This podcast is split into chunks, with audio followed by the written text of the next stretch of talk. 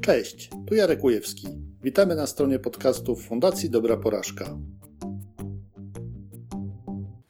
Słuchajcie, e, witam Was wszystkich razem z Marcinem Meisnerem na kolejnym spotkaniu z cyklu na cudzych błędach. E, Marcin nazywa się Marcin Meisner i powie za chwilę coś więcej o sobie. Już teraz? No. Dobra, no ja nazywam się Marcin Meisner. W szeroko pojętym biznesie jestem już z 20 lat e, i gdzieś tam e, delikatnie rozpoznawalny w branży jestem z tego, że stworzyłem platformę, która się nazywa Capsel.pl, Cupsel.pl, platforma do koszulek, jak sama nazwa wskazuje zresztą. E, start platformy 2008, robiłem ponad 11 lat. Finalnie zszedłem już ze swoich udziałów i od dwóch lat jestem bezrobotny, można powiedzieć, e, tak jakby na emeryturze. Ale moja historia biznesowa jest dużo dłuższa niż Capsel. O tym rozmawialiśmy, że no ja tak sobie naliczyłem ponad chyba 16 albo 18 różnych biznesów, które miałem e, i większość to nie wypały. W związku z czym mogę powiedzieć, że jestem ekspertem, który świetnie się Dobrze, nadaje. Teraz, do, teraz wchodzę ja, tak, teraz wchodzę ja. Jarek Kujewski, jestem założycielem Fundacji Dobra Porażka a propos tego, co Marcin przed chwilą mówił. E, zajmujemy się jako fundacja uczeniem, jak uczyć się na błędach, mówiąc w dużym skrócie. E, a dzisiejszy program jest w takiej serii na cudzych błędach, gdzie zapraszam specjalistów e, z określonych dziedzin, tak jak tutaj w przypadku Marcina, to jest e-handel nie tylko koszulkami. I rozmawiamy o tym, co można schrzanić w takim obszarze, a co, a, a co zrobić, żeby czegoś nie schrzanić, no i co ewentualnie zrobić, jeżeli się po prostu wtopiło.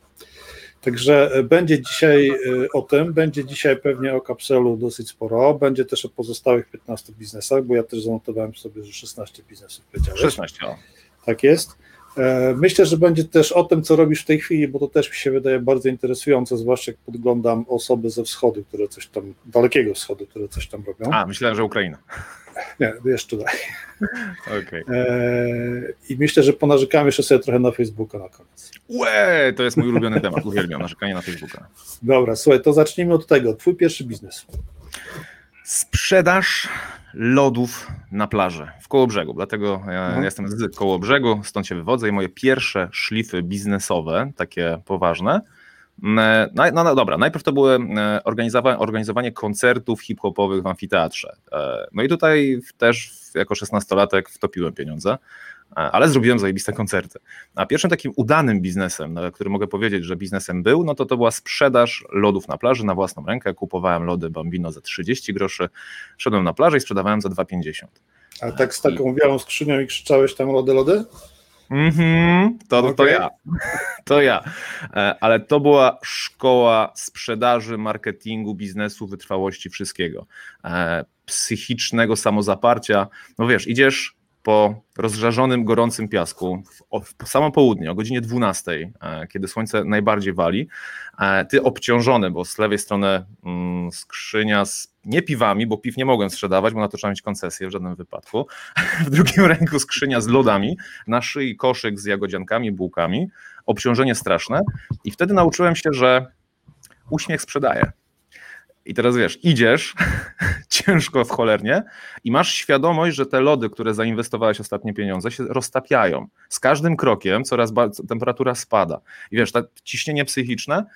No ale błyskawicznie nauczyłem się e, upsellingu, cross-sellingu e, i, i tej wytrwałości, tego samozaparcia oraz właśnie tego, że uśmiech, uśmiech zawsze sprzedaje. Ja też starałem się wyglądać schludnie, w przeciwieństwie do kolegów, którzy byli po prostu spoceni, to ja miałem białą koszulę albo hawajską koszulę, białą, e, biały ręczniczek, białą czapkę, tak żeby pokazać, wiesz, schludność.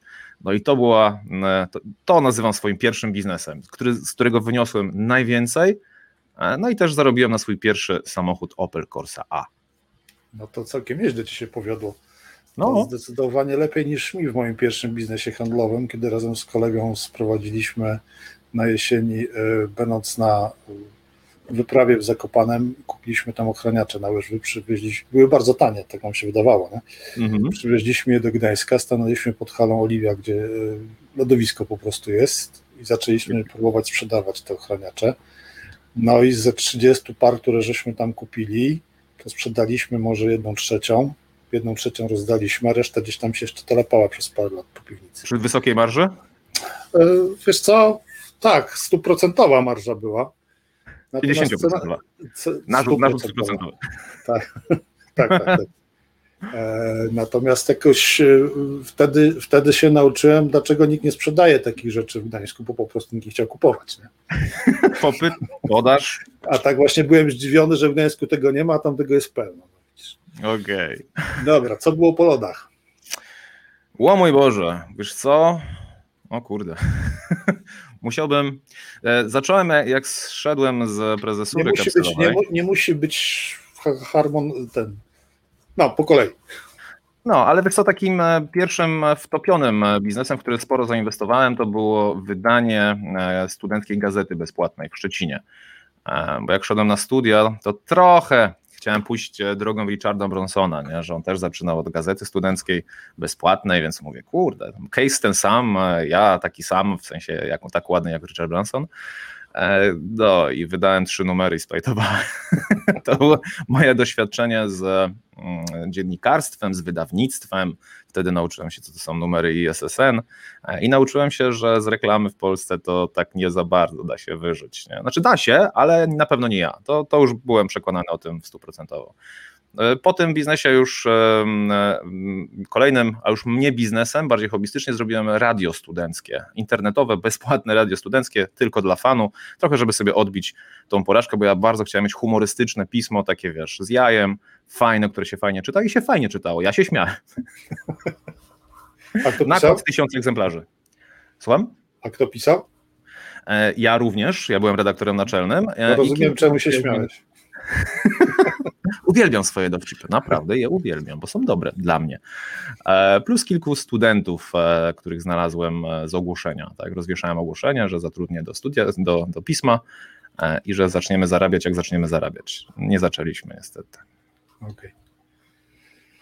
Potem było radio, a później z zeznań, które wcześniej z Ciebie wydobyłem, wynika, że pojawił się temat robienia koszulek z nadrukami dla znajomych i w końcu sklep w Kołobrzegu z koszulkami. Tak, dokładnie tak. E, właśnie tam chyba w chronologii jeszcze było jakieś. Wiesz co, właśnie jak zszedłem z prezesury, to zacząłem nagrywać e, odcinki dla swojej grupy, dla ludzi prezesa, których serdecznie pozdrawiam, e, ze swoimi biznesami, tak żeby każdy zamknąć w ramach takiego krótkiego 10-minutowego filmu. I gdzieś miałem ten harmonogram, bo jeszcze nie dokończyłem. Jestem chyba na ósmym odcinku dopiero, a 16 z tego co pamiętam właśnie miało być. I tak, e, pierwsze co to były właśnie koszulki, no bo chciałem jako student zarabiać. Jedna porażka, druga porażka, trzecia porażka słabo. I chciałem zarabiać. Przypomniałem sobie, że jako dzieciak jeżdżący na rolkach e, robiłem sobie nadruki pędzelkiem e, na, na koszulki, nie? No bo to były te czasy, kiedy skate shopów nie było, a ja byłem skaterem. skaterem. Więc, e, a że malowałem graffiti, no to miałem jakąś tam jakiegoś skilla do malowania. I ja malowałem sobie, potem zacząłem taką mini markę osiedlową, młodzieżową, taka wiesz, wypust pięciu sztuk albo dziesięciu, chociaż chłopaki podobno bluzy do tej pory noszą, więc zajebiście. Znaczy mają, nie, niekoniecznie noszą, bo to już po tylu latach to z 60 lat temu to było. Szerokość mogła się zmienić. No, no. No i tak wiesz, przypomniałem sobie Mm, bo tak mówię, w branży, w branży wydawniczej mi nie poszło, w branży radiowej nie poszło. E, pracowałem przez chwilę w telewizji jako e, prezenter, nawet miałem własny program w e, szczecińskiej telewizji o sportach ekstremalnych. No ale mówię, coś już trzeba zacząć robić. To już jest drugi rok, trzeba zacząć zarabiać. No i przypomniałem sobie właśnie ten motyw robienia nadruków, a traf, traf chciał, że w papirusie obok akademika były farbki do materiału. Takie, takie, które po zaschnięciu robią się gumowe, czyli można prać. No to zapytałem się swojego kolegi z drużyny Counter-Strike'a, Kraśnika, e, czy nie chciałby, żebym mu zrobił koszulkę. No to on chciał. No i no jaki napis? No, Kraśnik. No to moja pierwsza koszulka ever była z napisem Kraśnik i sprzedałem za 25 zł. Koszulkę kupiłem za dyszkę, farbki tam 35 zł, ale wyliczyłem, że mm, zeszło mi może z 2 zł farbek, dwie godziny roboty, no i zarobiłem 15 zł. Na czysto, bo bez podatku, oczywiście nielegalnie. E, gdyby urząd się pytał, to wszystkiego się wyprę. E, właśnie zmyśliłem tą, tą historię. Tak, tak, panie urzędzie skarbowym, jakby co, właśnie to zmyśliłem. To jest film fabularny. No tak, to niedokumentalne. No i to było to była właśnie pierwsza sztuka, potem e, dla kolegów e, z drużyny, e, jednej, drugiej, potem zrobiłem takie mm, ogłoszenie, znaczy najpierw postawiłem sobie stronkę na prv.pl jeszcze wtedy, czyli nadruki.prv.pl, zrobiłem naklejki, porozklejałem po całym akademiku, ogłoszenie dałem, no i tak sporadycznie zaczęły wpadać sobie zamówienia. Prawdziwym przełomem, mój drogi, był Chuck Norris. Dowcipy o Chucku Norrisie. Tamtym momencie koleżanka powiedziała, ty, a czemu ty nie robisz koszulek e, z Chuckiem Norrisem? Mówię, hmm, to może być dobry pomysł. No i zacząłem robić koszulki z, z dowcipami o Chucku Norrisie wtedy. Wystawiłem to na Allegro, no to wtedy poszło, zażarło, nie? takie 10 zamówień, a trzeba pamiętać, że ja wtedy wydajność miałem jedna koszulka na dwie godziny roboty, mojej roboty wyłącznie, nie? ale wtedy zacząłem już automatyzować, szukać informacji co, jak i tak dalej. No i od tamtego momentu wszystko potoczyło się prawie jak z górki. Gdyby nie to, że dostałem pozew od Chucka Norrisa. Wtedy... Dobrze, że pozew, a nie coś innego. Nie? Tak, no to było w sumie pismo przedsądowe i też nie do końca do mnie, tylko do e, serwerowni, na której mieściło się Chuck Norris bodajże glt.pl, bo e, to była strona z dowcipami o Chucku Norrisie, z którą się dogadałem, że za reklamę moich aukcji Allegro będę odpalał piątaka od każdego t-shirta. No więc zaśmiałem się, mówię, Chuck Norris mnie skarży, zajebiście, nie? Achievement, goal e, zdobyty. Ale potem sobie uświadomiłem, że istnieje coś takiego jak prawo autorskie. I się, się zesrałem. sobie uświadomiłem, że to, co ja robiłem, nie do końca było e, legalne. I znowu na potrzeby prawa to jest zmyślona historia, nieprawdziwa w ogóle. Gdyby ktoś chciał weryfikować, chociaż 5 lat minęło, nie wiem, prawo nie, nie działa wstecz, nie? Nie mogą mnie ścignąć sprzed 20 Teraz lat. to nie wiem, czy nie działa wstecz. No to dlatego to jest wszystko zmyślone, dobra? Kręcimy tu popularne. Tak. Dokładnie tak. Jestem bajkopisarzem, wiesz, świetnie historię opowiadam, więc to wcale nie była prawda. No, to idziemy dalej. No w momencie, kiedy dostałem to pismo, no zesrałem się, mówiąc wprost, nie? bo sobie uświadomiłem, tam skonsultowałem ze studentami prawa, e, co mi grozi fizycznie, e, no to pozamykałem wszystkie aukcje, schowałem się pod stołem i czekałem, czy coś będzie. Nie? Na szczęście nic nie było. Okazało się, że... przyjedzie i wyegzekwuje. Tego się bałem, nie? Bo... Wiesz, Chuck Norris jest, on po prostu jest.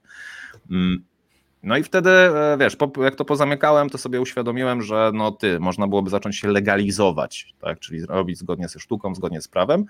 Mm.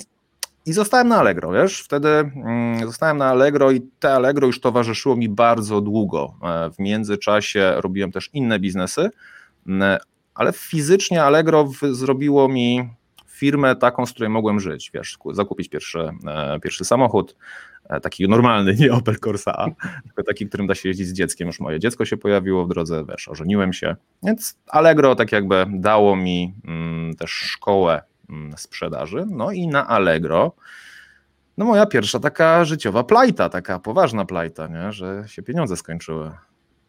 Kiedy Allegro? Na Allegro, tak, tak, tak. Ale Allegro się pieniądze skończyły?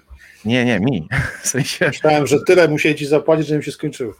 Nie, w ogóle wiesz, rachunki do Allegro bolały niemiłosiernie, bo ja nie robiłem wcale dużych obrotów wtedy, bo to było jakieś, nie wiem, 30 koła miesięcznie, coś koło tego, e, ale na Allegro płaciłeś 5 koła, jakoś tak, wiesz, to teraz mogę, mogę ściemniać na zasadzie, ale procentowo to było naprawdę bardzo dużo. Jedynym plusem Allegro był ówczesny program lojalnościowy. Zapomniałem, jak się te, te punkty nazywają, co się zbiera? E, nie PayPal. Nie były, to nie były gąbki.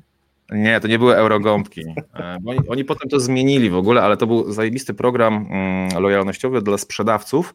Za każdą złotówkę dostawa, wydaną, w sensie zapłaconą do Allegro, dostawałeś jeden punkt. I był taki wewnętrzny sklep Allegro, gdzie mogłeś te punkty wymieniać. I między innymi monitor był za 7 tysięcy punktów. To w moim przypadku wystarczyły dwa rachunki do Allegro i mam monitor.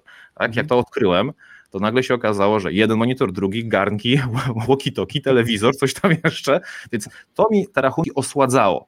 No ale jednak pieniądze niemiłosiernie uciekały. A to był wtedy jeszcze 2008 mm, chyba, czyli ten taki wielki kryzys e, finansowy, który mnie dotknął z opóźnieniem i nie zauważyłem, że mnie dotknął w ogóle. To jest śmieszniejsze.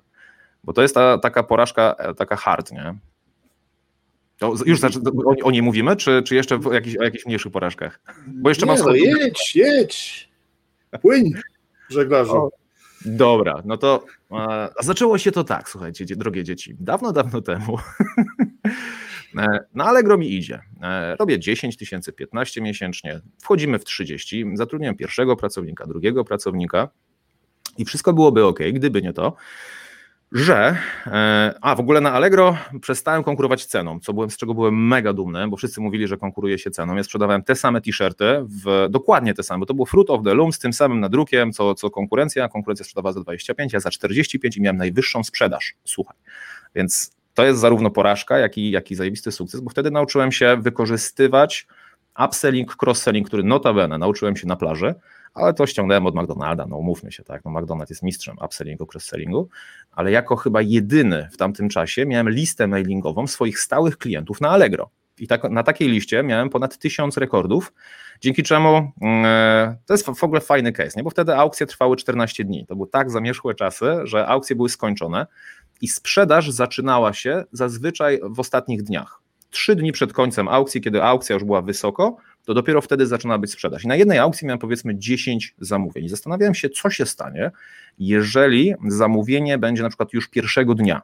Bo zasada tam jest, to jest ten um, efekt stadny i e, tam z psychologicznego to jest, już nie pamiętam po psychologicznemu, ale było jakieś takie. Wiem, o czym mówisz, też nie pamiętam. Ja wiem, ja wiem, ja wiem, ja wiem. Tato, tato, mogę?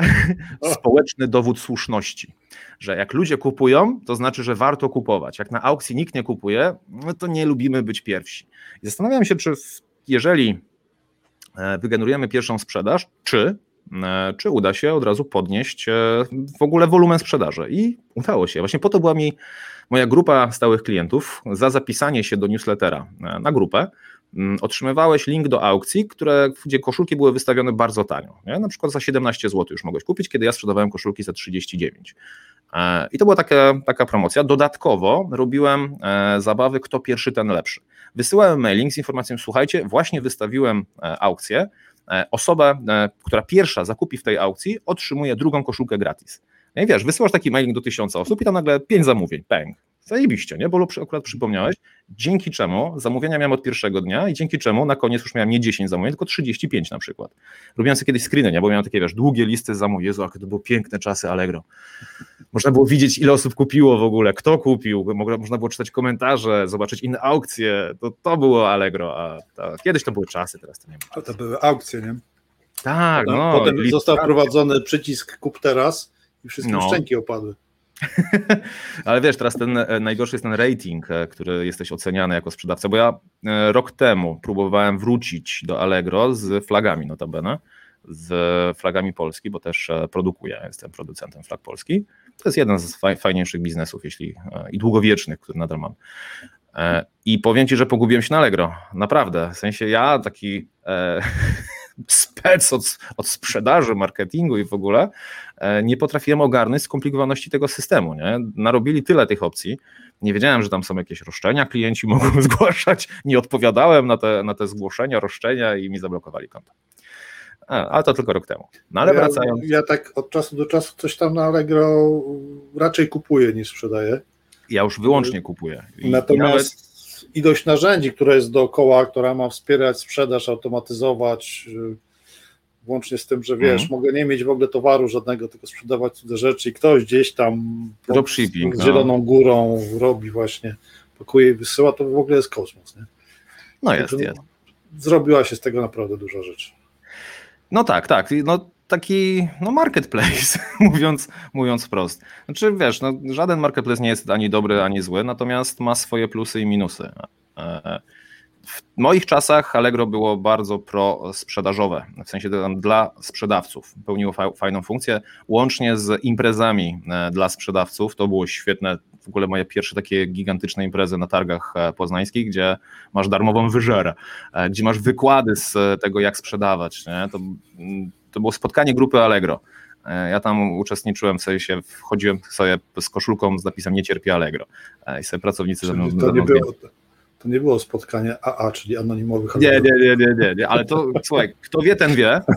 Pozdro dla kumatych. Kto był ten, to była naprawdę gigantyczna impreza, e, która służyła wynagrodzeniu sprzedawców, bo od sprzedawców zależałby, zależałby Jezu, dla mnie jako początkującego przedsiębiorcy takie rzeczy zostawały w pamięci że kto jest dla ciebie najważniejszy? Sprzedawca, trzeba go wynagrodzić. Gdy wchodziliśmy na wieczorny mm, poczęstunek, kolacja, gdzie masz szwedzki stół, tam były tysiące ludzi, miliony ludzi, miliony ludzi były na, tych, na, na tym spotkaniu grupy, to pracownicy ustawieni w szpalerze, ja wiem, że to trochę coachingowo i w ogóle, że tak słabo, ustawieni w szpalerze bili brawo wchodzącym sprzedawcom.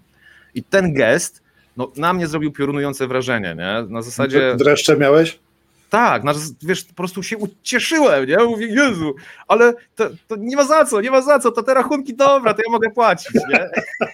I to mi wtedy uświadomiło, że dbanie e, o sprzedawców, co, co się fajnie przełożyło potem e, na relacje ze sprzedawcami na kapsel.pl, bo to jest platforma sprzedażowa mimo wszystko, nie sklep, e, wykorzystywałem takie doświadczenia. Ale wracamy do mojej pierwszej plajty, bo mówimy tutaj o porażce, prawda? Nie mówimy o sukcesach. Pff, sukcesy są nudne, a porażki są ciekawe, bo lubimy patrzeć, jak komuś się nie powiedło. Sąsiedzie. Sąsiedzie, no co tam, biznes sąsiedzie upadł. No tak już mamy, nie? To trochę jak przyjeżdżamy obok wypadku, to zawsze się zatrzymamy, żeby zobaczyć zwłoki. To jest, to jest taka nasza, nasza cecha. No i mamy sobie tam rok 2008-2009. E, Marcinek, bo tak będziemy nazywać naszego bohatera, świetnie sobie radzi na Allegro. Wszystko e, idzie e, zgodnie z planem. Marcinek już ma pierwsze inwestycje, pierwszych pracowników, pierwsze maszyny zaczął kupować. Rozwój pełną barą, dokupuje towaru, dokupuje sprzętu. Mm, ale z racji tego, że jest to 2008-2009, to ten kryzys gospodarczy jest gdzieś w tle. Oczywiście Marcinka to nie dotyczy, bo Marcinek nie, nie, nie zna czegoś takiego jak cykl życia firmy w ogóle, e, jak e, właśnie to, że rynek ma flotację czy fluktuację góra-dół i że coś się może dziać. E, nie dotyczy, bo tak, branża budowlana tam dostała po dupie, moja branża nie dostała po dupie, ludzie nadal kupowali koszulki, ale kupowali mniej.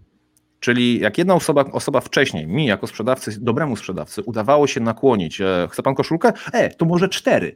Bez problemu wchodziło, bo jestem sympatycznym chłopakiem, ufali mi i w ogóle tam jeszcze gratisy dostali. Udawało mi się, wiesz, tak fajnie podbijać sprzedaż, to podczas kryzysu kupowali jedną. Jedną, maksymalnie dwie, tak? No to jest, no to nie jest duża różnica, ok? No, ale okazuje się... Cztery, a jedna to jest duża różnica. Tak. Doda dodatkowo dorzuć mniejszą powracalność klientów, tak? E, o, poczekaj. Dobrze. Próbuję sobie odpalić naszego streama, żeby zobaczyć komentarze.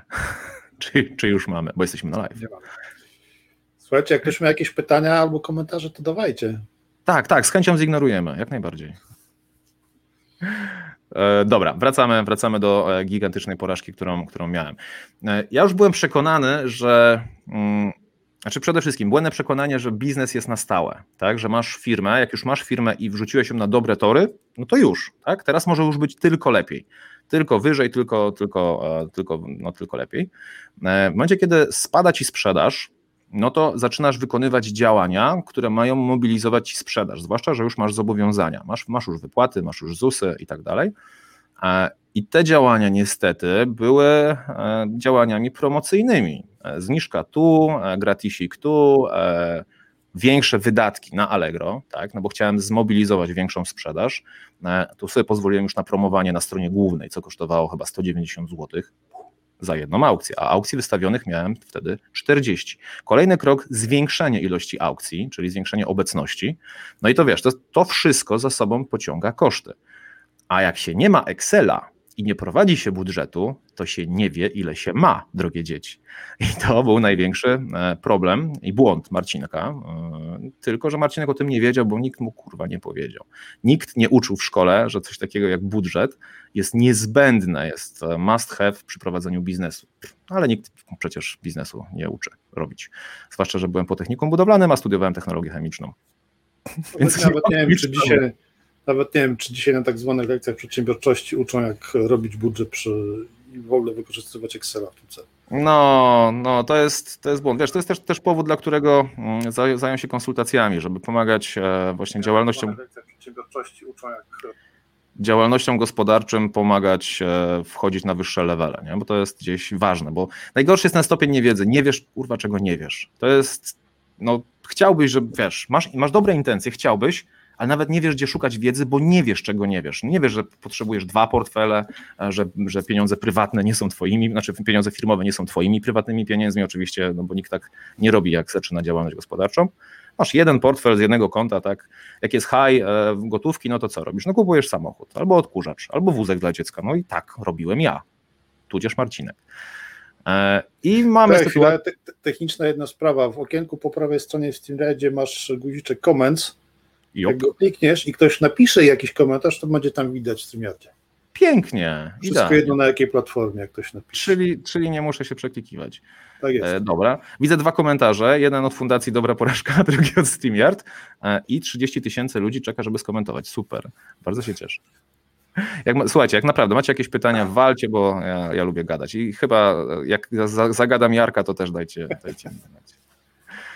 No, to wracamy do opowieści o tymże Marcinku i o pierwszych symptomach, bo tytuł tej, tego odcinka jest e, Kiedy nie zauważasz, że fir twoja firma jest już martwa. I to jest znamienne, nie? że mm, prowadzę firmę e, jako młody przedsiębiorca, e, który z dobroci serca do, w ogóle jest dobrym, dobrym, fajnym chłopakiem. Stwierdziłem, że będę biznesmenem, który jest uczciwy, nie dyma ludzi, tak jak to się przyjęło w latach 90., e, bo internet akurat był fajny, bo był przejrzysty. Tak? Te osoby można było łatwo zweryfikować, a chciałem pracować na swoją markę osobistą w długim terminie. No, a jak wiesz, dymasz ludzi, no to prędzej czy później to wyjdzie. W związku z czym wszystkie faktury płaciłem przed czasem. W momencie, kiedy wpływała do mnie faktura, nie czekałem 14 dni do końca faktury, płaciłem od razu. To było jakieś takie moja, moja nie wiem, głupia głupie przyzwyczajenie, ale uważałem, że to jest takie cool, takie wiesz, takie fair, takie fajne. E, po jakimś czasie, no już musiałem e, nie pierwszego dnia, jak dostałem fakturę, tylko musiałem odczekać, aż pieniądze spłyną, tak? Piątego dnia, dziesiątego dnia, no i finalnie do, doszedłem do tego, że faktury zacząłem płacić czternastego dnia. Tak e, sterta faktur zaczęła rosnąć, no i potem już po, po terminie zaczynam płacić, nie? No bo mam na przykład fakturę na 20 koła, a na koncie 3000 no to, no to z pustego Salomon nie naleje. Nie? Na szczęście nie brałem wtedy obrotówek, bo bym popłynął jeszcze bardziej, e, bo nie problem był w cashflow, tylko problem był w logice, tak? bo zwiększałem koszty, generując przychody. Przychody były na podobnym e, poziomie, co mnie uspokajało, no bo jeżeli w tym roku zrobiłem 30 koła obrotu, a w zeszłym roku zrobiłem 30 koła obrotu, to znaczy wszystko jest ok. Tylko, że nie wziąłem pod uwagę, że na wyższych kosztach, bo nie miałem, kurwa, Excela który by mi to pokazał. Tak, tak logicznie, nie? że co, co takiego zrobiłem, żeby wygenerować tą sprzedaż? No okazuje się, że wiesz, mam dwa razy więcej aukcji niż rok temu. E, te aukcje są dwa razy mocniej promowane, płatnie promowane, tak? Robię wie, dużo więcej akcji marketingowych typu rozdaj coś tam, żeby wygenerować sprzedaż. No i te koszta urosły. E, I w momencie, kiedy masz faktury przeterminowane, zaczyna się żonglerka fakturami, które płacić, a które nie na zasadzie na jedne faktury zbierasz, zostawiasz na przykład malutkie, bo, bo to jest, e, są różne szkoły. Jedna szkoła mówi płać najpierw małe, tak, a potem jakoś to będzie. No ja byłem z tej chyba drugiej szkoły, która mówi najpierw duże, tak jakby zjedz tę żabę, po to, że Małe po pierwsze mogą poczekać, a duże najczęściej to byli moi kontrahenci, w sensie od których brałem towar, że jak oni mnie zablokują w dostawach, to jestem w dupie. Mój biznes leży totalnie. Więc najpierw płaciłem duże, tamtymi żonglowałem, płaciłem po pół, płaciłem po trzy czwarte, ale płaciłem, starałem się przynajmniej. No i w ferworze takiej ostatniej deski ratunku mówię, kurde, coś nie gra, nie wiesz, gdzieś dzwoni, ale nie wiesz, gdzie się pali. A tu właśnie twoja dupa się pali, tylko o tym nie miałem zielonego pojęcia. No oczywiście pracownicy po kilku latach też podwyżki chcą, to jest naturalne, e, koszty rosną. Po prostu koszty wszystkie, wszystkie jak jeden mąż e, rosną i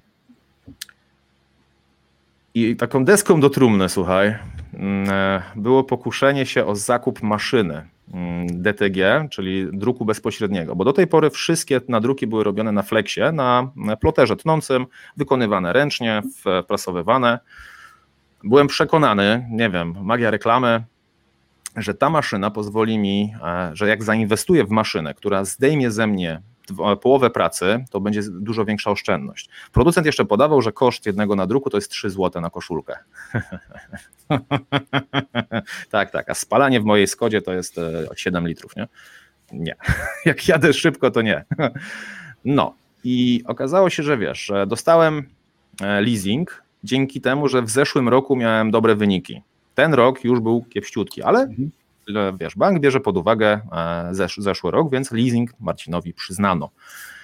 Obciążenie rzędu 2,5 koła dodatkowe. Mówię, dobra, to jest e, taka pensja jednego pracownika, ale teoretycznie, teoretycznie będę mógł z, e, zniwelować ilość pracowników. Wtedy też wiedziałem, że jeden z pracowników będzie i tak odchodził na studia, w związku z czym mówię, dobra, mniej pracowników, większa wydajność, e, dużo lepsza jakość, mogę robić nadruki kolorowe, bo do tej pory były tylko mono, więc same plusy. Nie? No i dupa. Okazało się, że jedyne co zyskałem dzięki tej maszynie to leasing nadruki, które były, były mm, znaczy ogólnie technologia cholernie ciężka, maszyna dość skomplikowana, dużo rzeczy mogło pójść nie tak. Wiesz, tak jak na, e, na maszynę zaczęła wpływać taka rzecz jak wilgotność powietrza, o czym ja nie wiedziałem, a przeszkolenie z tej maszyny, maszyna warta chyba 70 koła, jakoś tak, już mogę się mylić, bo to naprawdę było dawno temu.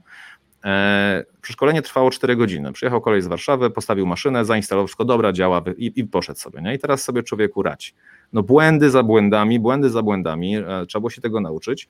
I finalnie miałem i tak dwóch pracowników, e, dodatkowo leasing, a sprzedaż z tej maszyny, o Igor, człowiek prezesa, big up, e, a finalnie zamówień nie przybyło, bo ja byłem przekonany, że dzięki nadrukom kolorowym, takim wiesz, fajnym, swoją drogą gdzieś, a nie, dobra, nie ma.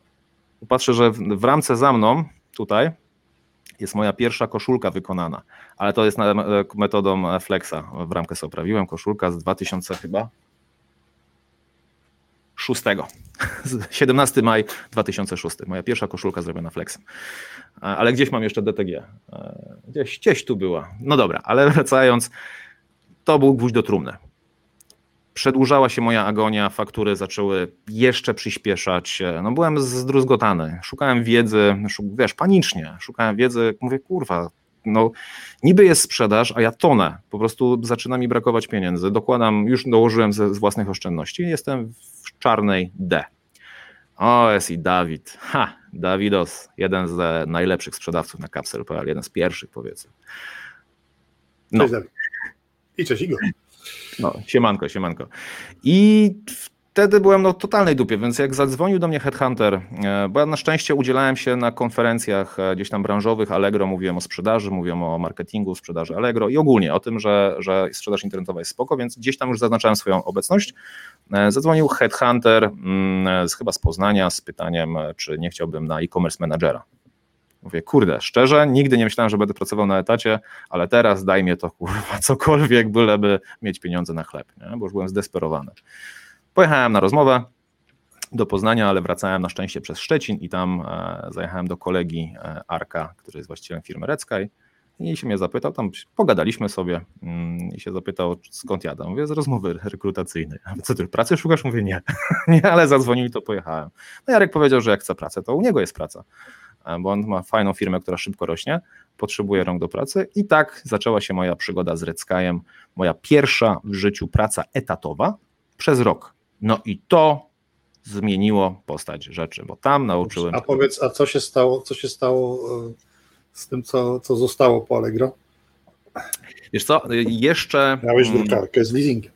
Tak, tak, no to był, to był gnój, w związku z czym nie mogłem odstąpić. Na szczęście pensja była na tyle duża, że podgoniłem faktury. Założyłem sobie, e, przede wszystkim dałem większą władzę e, jednemu z pracowników, e, znaczy jeden z pracowników, uczyniłem go kierownikiem, zostawiłem pod jego opieką sklep, taki fizyczny, plus sprzedaż Allegro, więc mówię, pensja plus sprzedaż Allegro, żyjemy, tak, żyjemy, to jest ok. Myślałem, że to da radę pociągnąć mocno, no ale tutaj jednak zostawienie pracownika samemu, samego, a wyjechanie do innego miasta i tylko raz w miesiącu doglądanie biznesu, to nigdy nie kończy się dobrze, nawet jeśli pracownik ma dobre intencje, bo tutaj e, do tej pory się kumplujemy, miał dobre intencje, tylko po prostu jemu motywacja spadała, nie? Jeżeli wiesz, pracujesz dla, dla, dla kogoś, a robisz wszystko 100%, no to masz coraz niższą motywację, ta jakość pracy też delikatnie spada e, i naturalnie e, powiększa się dziura. Czyli obroty, no nikt nie, przy, nie przypilnuje biznesu tak bardzo jak ty. A, I to nie wiem, gdzieś po pół roku wtedy podjąłem decyzję, że trzeba e, zamknąć. Zamknąć, w sensie odciąć się od Allegro. E, miałem wtedy już kapsela, e, bo kapsel miał premierę w 2008 roku, ale kapsel nie wyglądał dobrze to raz, a zamówień tam było raz na tydzień, może jedno. W związku z czym zrobiłem taki prosty myk, że maszynę oddałem znajomemu ze Szczecina, który miał też firmę koszulkową. Oddałem jemu, tak jakby pożyczyłem. Ale, ale, go, ale, ale go lubiłeś, tak? Tak, jak najbardziej, jak najbardziej. Mało tego, dopłacałem połowę leasingu. okay. za to, że on wziął tą maszynę, nie? Tak wiesz, no trochę wiesz, zdjął ze mnie to obciążenie, które i tak bym miał, ja trochę się dorzuciłem do tej maszyny, to nie był dobry układ, tak, bo maszyna e, dość e, war dużej wartości, która wartość traci, ja nic z tego nie mam, ale nie żałuję, ci powiem. No i on też zajął się obsługą tych potencjalnych zamówień z kapsela, co też uważam było bardzo dobrą decyzją, bo zachowaliśmy ciągłość kapselową, bo sukces kapsela polegał na tym, że on po prostu trwał. E, I gdybym zrobił tak jak normalny startup, e, to już to nigdy bym nie osiągnął tak dużego sukcesu. Bo ja przypominam, że Capsel premiera 2008 rok to był też te, ten czas, kiedy szukałem, w momencie, kiedy Allegro przestaje mi gdzieś tam działać, to szukam innych dróg. Tak? Szukam, e, rozglądam się, mówię, dobra, zawsze miałem ten pomysł, dokończmy go, zróbmy, zróbmy premierę. I udało się w 2008 na mm, pierwszych targach startupów w Polsce DemoCamp w Poznaniu. Wystąpiłem na scenie przedstawiłem ideę kapsela, e, tam w komisji e, Gadzinowski, tak, Gadzinowski, Agnieszczak, Brański z, z WP, wtedy nie WP, tylko O2, bo to było jeszcze te, te, te czasy. No i komisja spojrzała na to, co przedstawiłem, nie? I, i wspólnie orzekli, że to nic takiego, że, że pomysł do dupy. Więc bardzo mi się to podobało. No, nie no, stwierdzili, że to w sumie nic szczególnego, taki kolejny sklep internetowy. Nie, to platforma do robienia sklepów z koszulkami, ziomeczki, no. W ogóle mam film gdzieś na, na YouTube z mojego wystąpienia, nagrywany chyba tym pralką. No e, i utrzymanie teraz tak, jak byłem na etacie, udało się utrzymać ciągłość zamówień kapselowych, dzięki czemu kapsel po prostu sobie trwał i tych zamówień gdzieś tam w miarę czasu było powolutku coraz więcej, już nie jedno na tydzień, a dwa na tydzień, tak? ale to potrzebowało lat. Ja w międzyczasie miałem przyjemność właśnie pracować w firmie IT, bo Ryckaj to była firma IT, właściciel FireStube'a. Miałem przyjemność obserwować, jak szybko firma rośnie. Jak ja wchodziłem, chyba było, nie wiem, 40, 20 pracowników, jak wychodziłem e, po roku, to już było chyba z 80 plus oddział w Mołdawii firma błyskawicznie rosnąca. E, ja byłem też od, e, chodziłem tam jako projekt manager, ale finalnie zostałem oddelegowany do e-commerce'ów e, i miałem przyjemność brać udział w inwestycji. Redsky kupował firmę e-commerce, a ja byłem ze strony Redskaya tą osobą, która gdzieś tam uczestniczyła w całym procesie, czyli miałem insight, jak się kupuje firmę, miałem insight, jak się prowadzi firmy, czyli kupowaliśmy te dobre firmy, między innymi Kraina Herbaty, i wtedy nauczyłem się, jak się robi Excel, czyli wiesz, e, przychody i odchody. Mówię, to była szkoła. Mówię, w żadnej szkole mnie tego nie nauczyli, a w pracy błyskawicznie pojąłem, że to, że to jest dobre. E, I chociaż też taką, e, nauczyłem się też tej logiki biznesowej, nie, że pieniądze firmy to nie są twoje pieniądze i że musisz mieć przewidziane koszty, wydatki co najmniej na dwa lata do przodu, to też byłoby miło. No to był taki kawał Mm, kawał dobrej wiedzy, ale no musiało dojść do porażki. Tak? Musiało dojść do, tego, do tej plajty, bo ja to nazywam plajtą, w momencie, kiedy już przestajesz mieć pieniądze na chleb i musisz pozamykać, a ratuje cię praca na etacie, to na szczęście, że nie wyszedłem z długami, chociaż miałem długi, tylko udało się pospłacać, bo to były faktury, zaległe faktury po zamknięciu firmy, jeszcze była długa kolejka e, do płacenia, ale sporadycznie popłaciłem wszyściutko na czysto, leasing e, również E, I, i, i, super. Kto nas dołączył? Tutaj, a Karol Bondaruk, serdecznie, serdecznie pozdrawiamy. Polska Zachodnia. Słuchajcie, jak macie jakieś pytania, piszcie, piszcie, piszcie, bo ja tutaj płynę, płynę po tematach szybciutko. Kapsel od początku miał takie założenie, żeby być sklepem dla sprzedawców, tak? Platformą. Platformą. To jest platforma sprzedażowa, jak YouTube ja to musiałem zawsze tłumaczyć.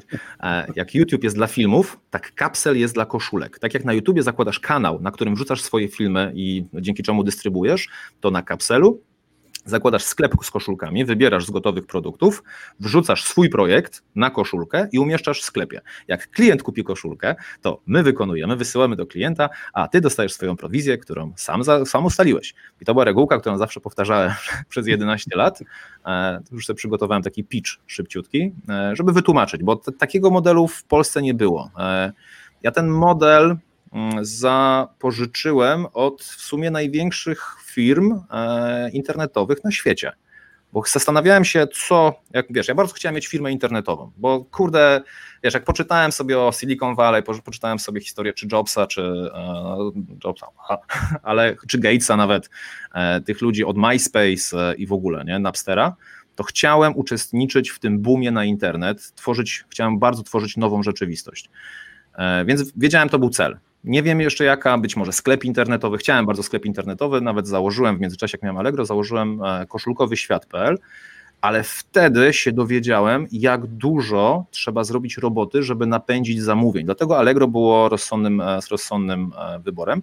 Jak chciałem zrobić ja, odmówię wprost. Ja chciałem mieć największą platformę koszulkową w Polsce. To był cel, tak, żeby pozamiatać rynek, zrobić robotę i odjechać na białym koniu to szukałem modelu. Mówię, sklepem nie zwojuję rynku, bo jest to cholernie ciężkie i kapitałożerne. Na zasadzie ja muszę żyć z czegoś, tak? Mam rodzinę, mam dzieci, więc ja muszę zarabiać już teraz. Nie mogę czekać trzech lat na zwrot z inwestycji.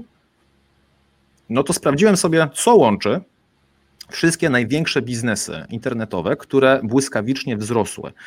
Typu Facebook, typu Google, typu, e, typu YouTube. E, tylko Amazon się nie łapie w tą jedną definicję, bo jest jedna rzecz, która, która łączy wszystkie, wszystkie te modele biznesowe i to jest user-generated content. Daj możliwość użytkownikom generowania e, kontentu, czyli stwórz narzędzie, nie twórz rozwiązania, czyli nie sklep internetowy, bo to, to właśnie miałem ten problem przy sklepie internetowym, że ja zaprojektowałem, no jestem graficiarzem, znaczy byłem, e, już dawno nie malowałem pociągów, zaprojektowałem 10 100 wzorów, przepraszam, 100 wzorów zaprojektowałem. Najlepsze wzory moim zdaniem ever, nie? I z tych wszystkich wzorów sprzedawał się tylko jeden. I to była koszulka z napisem Mela Gibsona. Z taką plamą.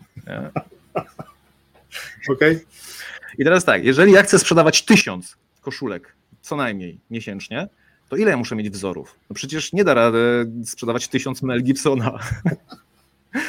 E, to bym musiał, wiesz, projektować, e, a jeśli nie sam, to musiałbym kupować. Teraz wiesz, koszt inwestycji kontra koszt zysku. Mówię, dobra, ty, a jeśli, i w tym momencie przychodzi tutaj z pomocą model chociażby YouTube'a, daj ludziom narzędzie, a oni ci zrobią content. Zobacz, że na YouTubie e, no gdybyś chciał stworzyć YouTube'a, ale żeby zatrudnić sobie operatorów, scenarzystów, płacić za każdy film, no to se nie da se, jak mawiają Niemcy na przykład.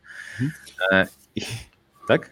Tylko wiesz, tutaj różnica jest taka, że u ciebie y, ten przychód y, jest dzielony pomiędzy twórcą i ciebie od razu. Nie? Przy YouTubie tak. to jest tak.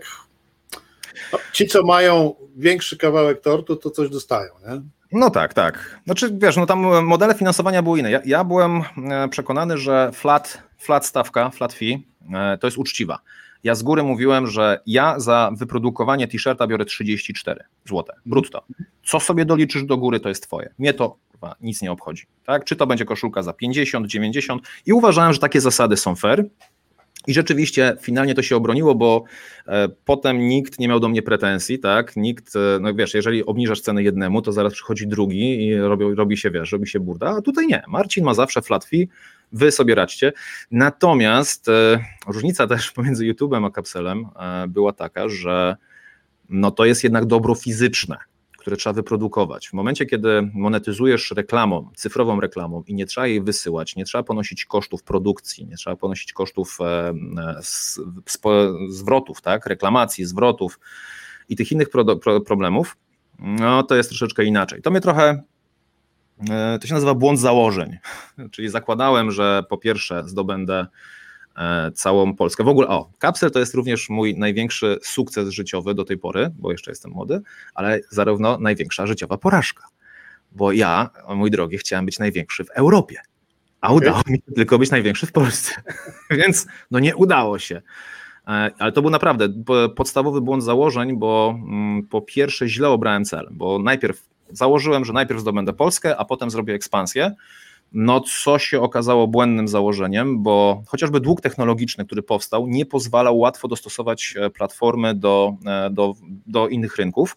To jest pierwszy błąd, a drugi głębokość rynku. Polska jest na tyle dużym krajem, że wydaje się, że rynek jest bardzo duży e, i na tyle małym, że no tu największy portal nie robi miliardów. Tak? Umówmy się, zdobywasz cały rynek, no i chyba, że jesteś Allegro, tylko i wyłącznie i długo, długo nic. Nie? Masz największy sklep internetowy i jakoś właściciel nie jeździ Ferrari, A dlaczego? Bo moc nabywcza Polaków wcale nie jest taka duża, zwłaszcza w nowym medium, jakim jest internet. Wiesz, ja to odkryłem w momencie, kiedy mierzyliśmy konkurencję i w momencie, kiedy my robiliśmy 5 tysięcy zamówień miesięcznie, a mówię, no to się nazywa dobry początek. Tak? Na zasadzie teraz od 5 tysięcy, takie 14 tysięcy zamówień, to już będą dobre liczby. I sobie zacząłem sprawdzać konkurencję, ile oni mają zamówień.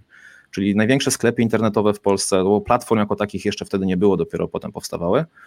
E, no i się okazało, że największy robi 1000 zamówień miesięcznie. Nie? Mówię, o kurwa, to czekaj, jeżeli największy konkurent robi 1000, ja robię 5, a chcę robić 14, no to dupa. No to dupa, rynek mi się skończył. E, przez co nie mogłem sobie pozwolić na wysokie marże. Nie mogłem e, też, no i też mój największy zagraniczny konkurent, którego bardzo chciałem zdetronizować, to był Spreadsheet, który bardzo szanuję, ale to jest niemiecka firma, więc trzeba z nią walczyć. Oczywiście z przymrużeniem oka, żeby nie było, ale wiadomo, Polak, Niemiec. E, robili 2,5 tysiąca dziennie w tamtym czasie zamówień. E, I oni mieli produkcję w Polsce na tych samych maszynach, bo to wiesz, branża mała, łatwo było poznać, gdzieś tam pod Wrocławiem, z tego co pamiętam. E, I różnica polega na tym, że oni sprzedawali to w euro. Oni również za 35, tylko że ja złotych, oni euro. No i w tym momencie, jeżeli masz taką marżę, jesteś w stanie sobie e, zbudować park maszynowy, jesteś w stanie zbudować sobie park IT, no bo Capsel w tamtym czasie to było połączenie trzech modeli firm. Firma e-commerce, firma produkcyjna i firma IT, a marża tylko jedna i to taka malutka, polska marża. No i to, to było niestety konsekwencją tego, że trzeba było e, dopuścić inwestorów e, i najpierw jedna inwestycja, druga inwestycja. No przy okazji trochę mi już po 11 latach spadła stamina, nie? na zasadzie walka, ciągła walka, bo to było 11 lat e, fajnej, fajnej przygody.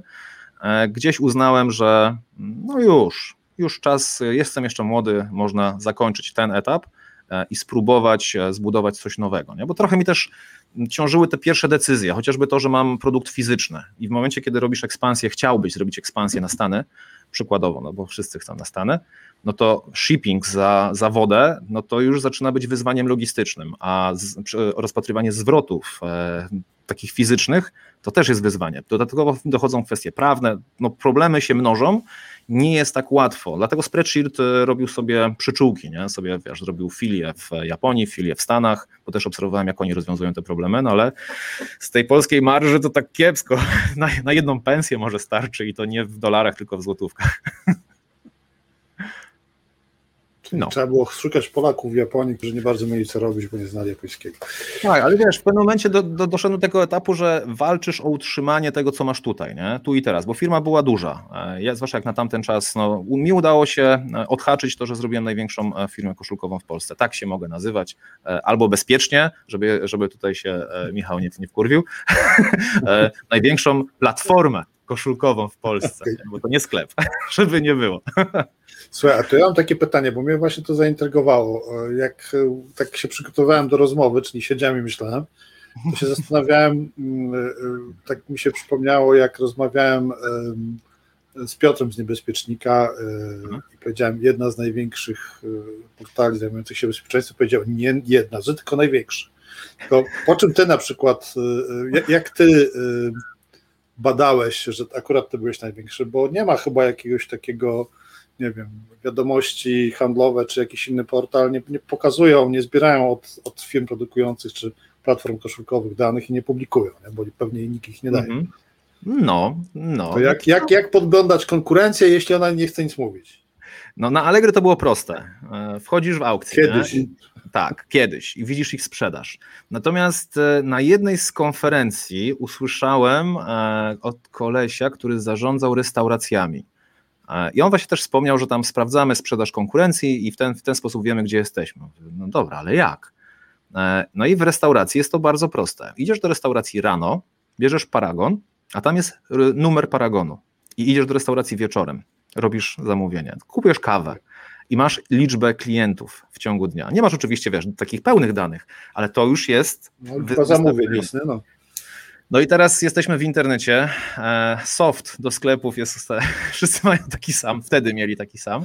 No i oczywiście faktury wystawiane chronologiczne. Chronologicznie, okay. tak? Faktura 1 maj, 2 maj, 3 maj, tak? E, I wiesz, numerologia. To znaczy, że składasz sobie zamówienie pierwszego, albo my robiliśmy chyba co miesiąc, tam wiesz, 12. Górek też tam wyczaił, że robimy lewe zamówienia, ale my się z tym nie kryliśmy, bo w ten sposób sobie, wiesz, sprawdzaliśmy. Jedynie największy problem mieliśmy właśnie ze spreadsheetem, bo wiesz, zła siła niemiecka e, mają swoje maszyny szyfrujące i szyfrowali numery, ale udało nam się z pewnym prawdopodobieństwem rozszyfrować, co te cyferki znaczą. Więc jakoś gdzieś tam e, pokątnie e, estymowaliśmy na 2,5 tysiąca dziennie, z tego co pamiętam. A to, to powiem Ci, że Kurde, teraz się głupio czuję, że nie wpadłem na taką metodę. No bo proste rozwiązania, wiesz co, ale w biznesie, e, ta, ja zauważyłem, zauważyłem już dawno i to jest też chyba coś, co powiedział e, Musk e, o PayPalu, że rzeczy mm, oczywiste, proste, nikt się po to nie schyla, bo są, to są zbyt Właśnie e, inteligentni ludzie, wykształceni z dorobkiem życiowym, raczej szukają badań na ten temat, publikacji finansowych, czy wiesz, jakichś tak, raportów, no bo tego jesteśmy nauczeni. A maluczcy, taki, tacy jak ja, e, z rubieży Polski, z koło brzegu, muszą kombinować. E, I wiesz, jak nie masz finansów, nie masz wiedzy, nie masz wykształcenia, nie masz jakiegoś, wiesz, ekspertów na podorędziu, no to kombinujesz. A najlepsze, najlepszym w tym wszystkim są rozmowy z ludźmi. I to uważam, że to jest największy kapitał. E, warto rozmawiać, bo z rozmową z różnych branż można wyciągnąć niesamowite, niesamowite rzeczy. Z Maska propos chyba PayPala, on wspomniał o tym, dlaczego mm, branża bankowa nie schyliła się po płatności internetowe. I on wtedy porównał branżę bankową do starych dziadków siedzących na krzesłach i że ktoś rzuca na podłogę sztabkę złota i wtedy co oni robią? Pierwsze co to patrzą na siebie. Nie? Czy, czy ktoś wstaje? Nikt nie wstaje? To ja też nie wstanę, ja się nie wychylę. Nie? Ja tutaj zachęcam do tego, żeby nasi oglądający, nasi słuchacze podejmowali ryzyko, zwłaszcza w biznesie. Biznes nie jest na zawsze. Jeśli masz biznes, to on i tak ci upadnie. Prędzej czy później. E, przyjdzie ten kataklizm, inny kataklizm, wiesz, e, szanse na to, że biznes ci upadnie są jaki są, są duże są bardzo duże. Przyjęło się, że większość firm e, po pierwszych pięciu latach upada, e, a druga, druga część upada po kolejnych pięciu latach. Więc oczywiście są firmy, które trwają, natomiast wchodzenie do biznesu i robienie własnej, własnej działalności czy własnego biznesu z założeniem, że to jest trwałe na zawsze, no ja się nauczyłem, że nie i że jedyną stałą jest zmienna, dzięki czemu, e, dzięki czemu przetrwałem i dzięki czemu każda porażka, tak? każdy, każda plajta, każdy brak sukcesu, e, nie jest porażką, jest tylko nauką. Wyciągasz wnioski, tak, znajdujesz rozwiązanie. Słuchaj, no gdyby nie moja pierwsza plajta, nie, był, nie, nie miałbym styczności z Excelem, tak, nie pracowałbym w firmie IT. Gdybym nie pracował w firmie IT, ni cholery nie, nie stworzyłbym czegoś takiego jak Capsule.pl. Nie ma, nie ma takiej możliwości, bo na pierwszym zakręcie bym się wywalił. Po pierwsze, skończyłyby mi się, by, by mi się pieniądze, bo nawet nie wiedziałbym, jak długo e, mogę sobie pozwolić. E, I każda e, porażka, każdy sukces, wszystko buduje, no ale porażki naj, najbardziej. Mówi się, że ekspert to jest ta osoba, która popełniła wszystkie możliwe błędy. I ja się z tym zgadzam. Trzeba popełniać błędy, a jak nic nie robisz, to jedynie co możesz robić, to słuchać takich podcastów i takich live'ów i uczyć się od tych, którzy już te błędy popełnili. I dlatego rozmawiam tutaj z, z, ludźmi z absolutnie różnych, czasami niezwykłych obszarów. Nawet rozmawialiśmy o statystyce z Janiną. Mm-hmm. E, na pierwszym spotkaniu zresztą. Serdecznie e, pozdrawiamy Janinę. serdecznie pozdrawiamy. E, czy pamiętasz coś takiego z kapsela, co, e, e, co gdzieś tam w tobie utkwiło na dłużej i, i Czytam teraz książkę profesora Krzysztofa Obłoja o, o, planowaniu strategii i tam właśnie jest też coś takiego, że jak człowiek się w jakimś tam środowisku wychowa, no to pewne mm. rzeczy z tego środowiska przenosi gdzieś na dalej. No ty się na kapselu wychowywałeś 11 lat. Co, mm. co takiego tam zostało w tobie? Jaki taka matryca, wiesz, jaki wzorzec został, który, z którego dzisiaj korzystasz? Puh, wiesz co? E, przede wszystkim dzięki kapselowi mogłem zobaczyć, jak funkcjonuje duży biznes. Czyli mogłem e, wejść na. No, w momencie, kiedy zaczynam być liderem rynku, e, kiedy inni zaczynają mnie naśladować, to w tym momencie jest, mam dostęp do ludzi, którzy traktują mnie poważnie, tak? I mogę sobie z nimi normalnie pogadać. Zresztą dwie rundy inwestycyjne, jedna, jedna IAI, druga For Fun Media, również bardzo dużo mnie nauczyły o tego typu biznesie. I to jest największą naukę, e, chyba którą wyniosłem, to jest być w zgodzie ze sobą. że jeżeli czujesz na przykład, że twój biznes nie jest już dla ciebie, no to jest czas się wycofać. E, ja bardzo chciałem mieć e, to się chyba purpurowa struktura, zarządzanie. Turkusowe. Turku, o ta, ta, ta, ta, bo to wszystko ma swoje kurwa nazwy. Bardzo chciałem mieć turkusową organizację, ale dowiedziałem się na, też boleśnie, że się nie da w Polsce. Znaczy, jest to możliwe, inni mogą, ale ja akurat nie potrafiłem. Więc e, do pewnego momentu, tam do 10 pracowników, 15 to działało. Nie? Potem już był, była konieczność prowadzenia e, mierzalności pracy, czasu pracy chociażby. E, no to, to było wynikową tego, że gdzieś tam no, ludzie zaczęli trochę przeginać z wychodzeniem wcześniej, bo u mnie na początku przynajmniej była opcja, że wybierałeś sobie, kiedy pracujesz. Przychodź kiedy chcesz, wychodź kiedy chcesz. Ja mam. Najważniejsze, żeby robota, wiesz, robimy robotę, jest fajnie, budujemy przyszłość i, i ekstra. No i to działało. Jak byliśmy w małym biurze, w jednym pokoju. Kiedy już zrobił się open space, to to zaczęło się rozjeżdżać. I w momencie, kiedy zaczynamy mm, więcej się martwić niż bawić, czyli więcej zarząd, zarządczości w zarządzaniu, no to mówię, ty, to już nie jest zabawne, to nie jest do końca to, co ja chcę robić. Wiesz, weryfikować pracę dyrektorów, e, spotkania, KPI -e i tak dalej. E, I to mi też gdzieś e, w momencie, kiedy już przy drugiej rundzie inwestycyjnej, kiedy weszliśmy już do Warszawy, wiesz, du, duża firma inwestuje, zasady się zmieniają. Nie? I to jest, to jest ten, ten moment, w którym sobie uświadomiłem, okej, okay, dobra, ja już, to, co miałem do zrobienia, zrobiłem. Udało się, fajnie. Ja mogę sobie pozwolić teraz na z czystym sumieniem zejście. zejście. Ponieważ stwierdziłem, że jestem jeszcze na tym etapie, że mogę i mam taką nadzieję zbudować jeszcze dużą firmę, ale taką po swojemu, na, na swoich zasadach. No bo z kapselem musiałem popełnić szereg błędów. Kurwa, wszystkie. wszystkie po kolei. E, co miało swoje konsekwencje. Wiesz, największą konsekwencją to był ten dług technologiczny, czyli błędy popełnione na początku, jeśli chodzi o rozwój IT, które potem no, były bardzo dużym problemem. Nie? Wiesz, zmiana ceny przesyłki wymagała nadpisania kilkudziesięciu tysięcy linijek kodu. Oczywiście teraz przesadzam, ale, przesadzam, ale to jest na poczet tej opowieści, którą tutaj buduję. Ale nie, no to, to było tak horrendalne, nie? że, że zmian, wiesz, jakaś zmiana drobnego elementu, a ja w tym momencie no.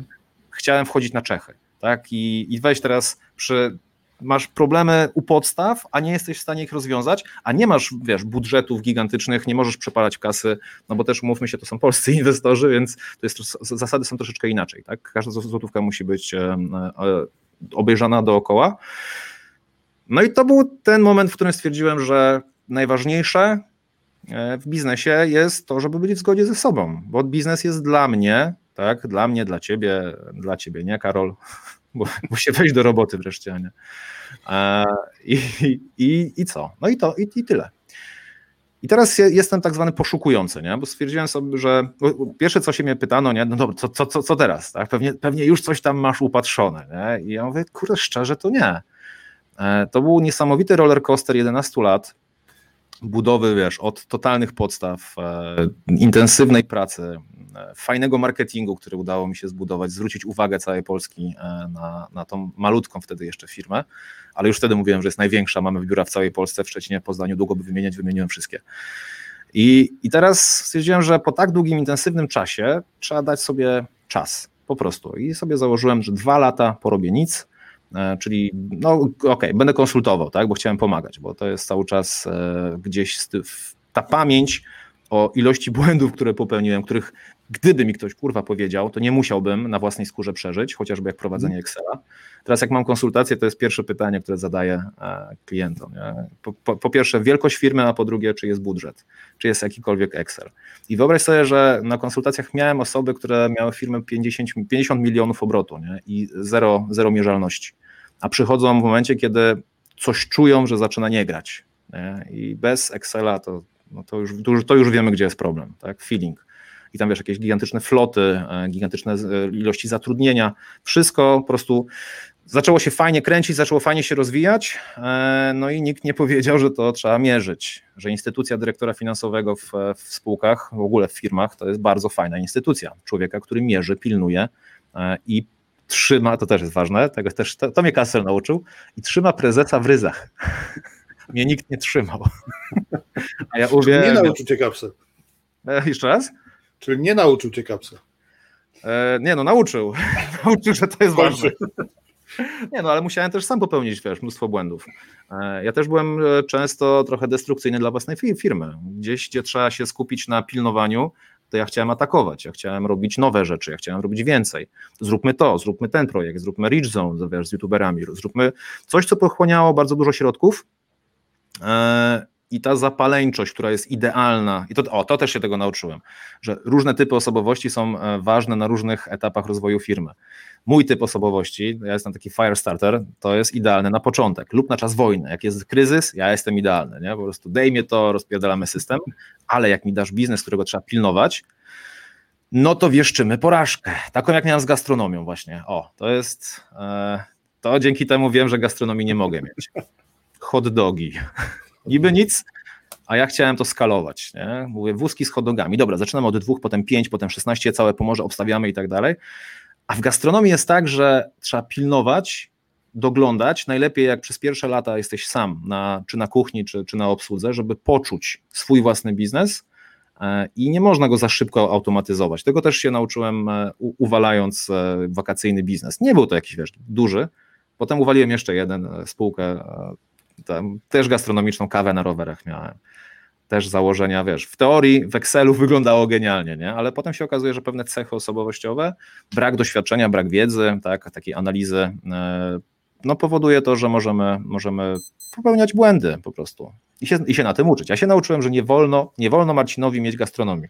Nie. A gastronomia to jest w ogóle ciekawe, ciekawe, ciekawa rzecz. Te, pewnie też masz sporo znajomych, którzy po 15 latach korporacji stwierdzili, że idą na swoje i otworzyli bar bo to wygląda tak prosto, nie? Tak. I po dwóch latach, jak już można było, że tak powiem, zamknąć, bo dofinansowanie tyle wymagało, nie? Aha. No to, to, to, to jak najszybciej się ludzie wycofywali, także. Tak, bo to wygląda, wiesz, trawa zawsze jest bardziej zielona tam, gdzie ciebie nie ma, nie? To jest, tak to jest. jest prawda. E, wiesz co, ja miałem mniej z korporacji, bo ja pamiętaj, że jestem z koło brzegu, więc tutaj korporacji nie ma.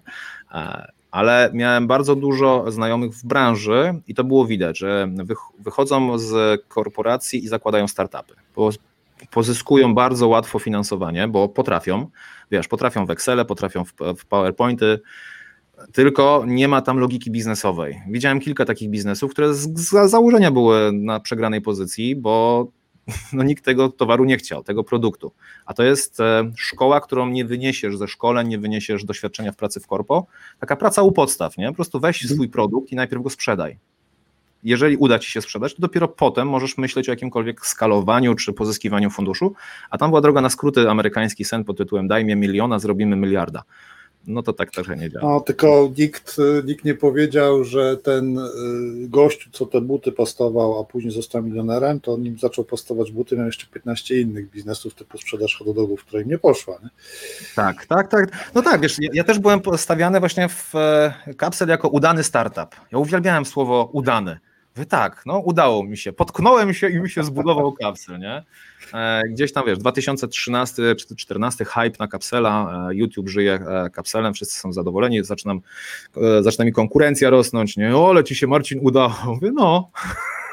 Fart. W ogóle określe, określenie udało mi się coś zrobić jest bardzo polskim określeniem. Tak, ja tak, nie tak, spotkałem tak, jeszcze w żadnym innym języku, że ktoś powiedział, udało mi się osiągnąć sukces w firmie. Nie? No, Wiesz, tak jakbyś udało mi się wygrać w totolotka, to jest jedyne właściwe zastosowanie. No, udało, tak, tak. E, wiesz co, jest e, fajne, e, fajne powiedzenie a propos sukcesu w biznesie, że sukces to jest składowa trzech elementów. Trzech, chłopaki będą wiedzieć o co chodzi.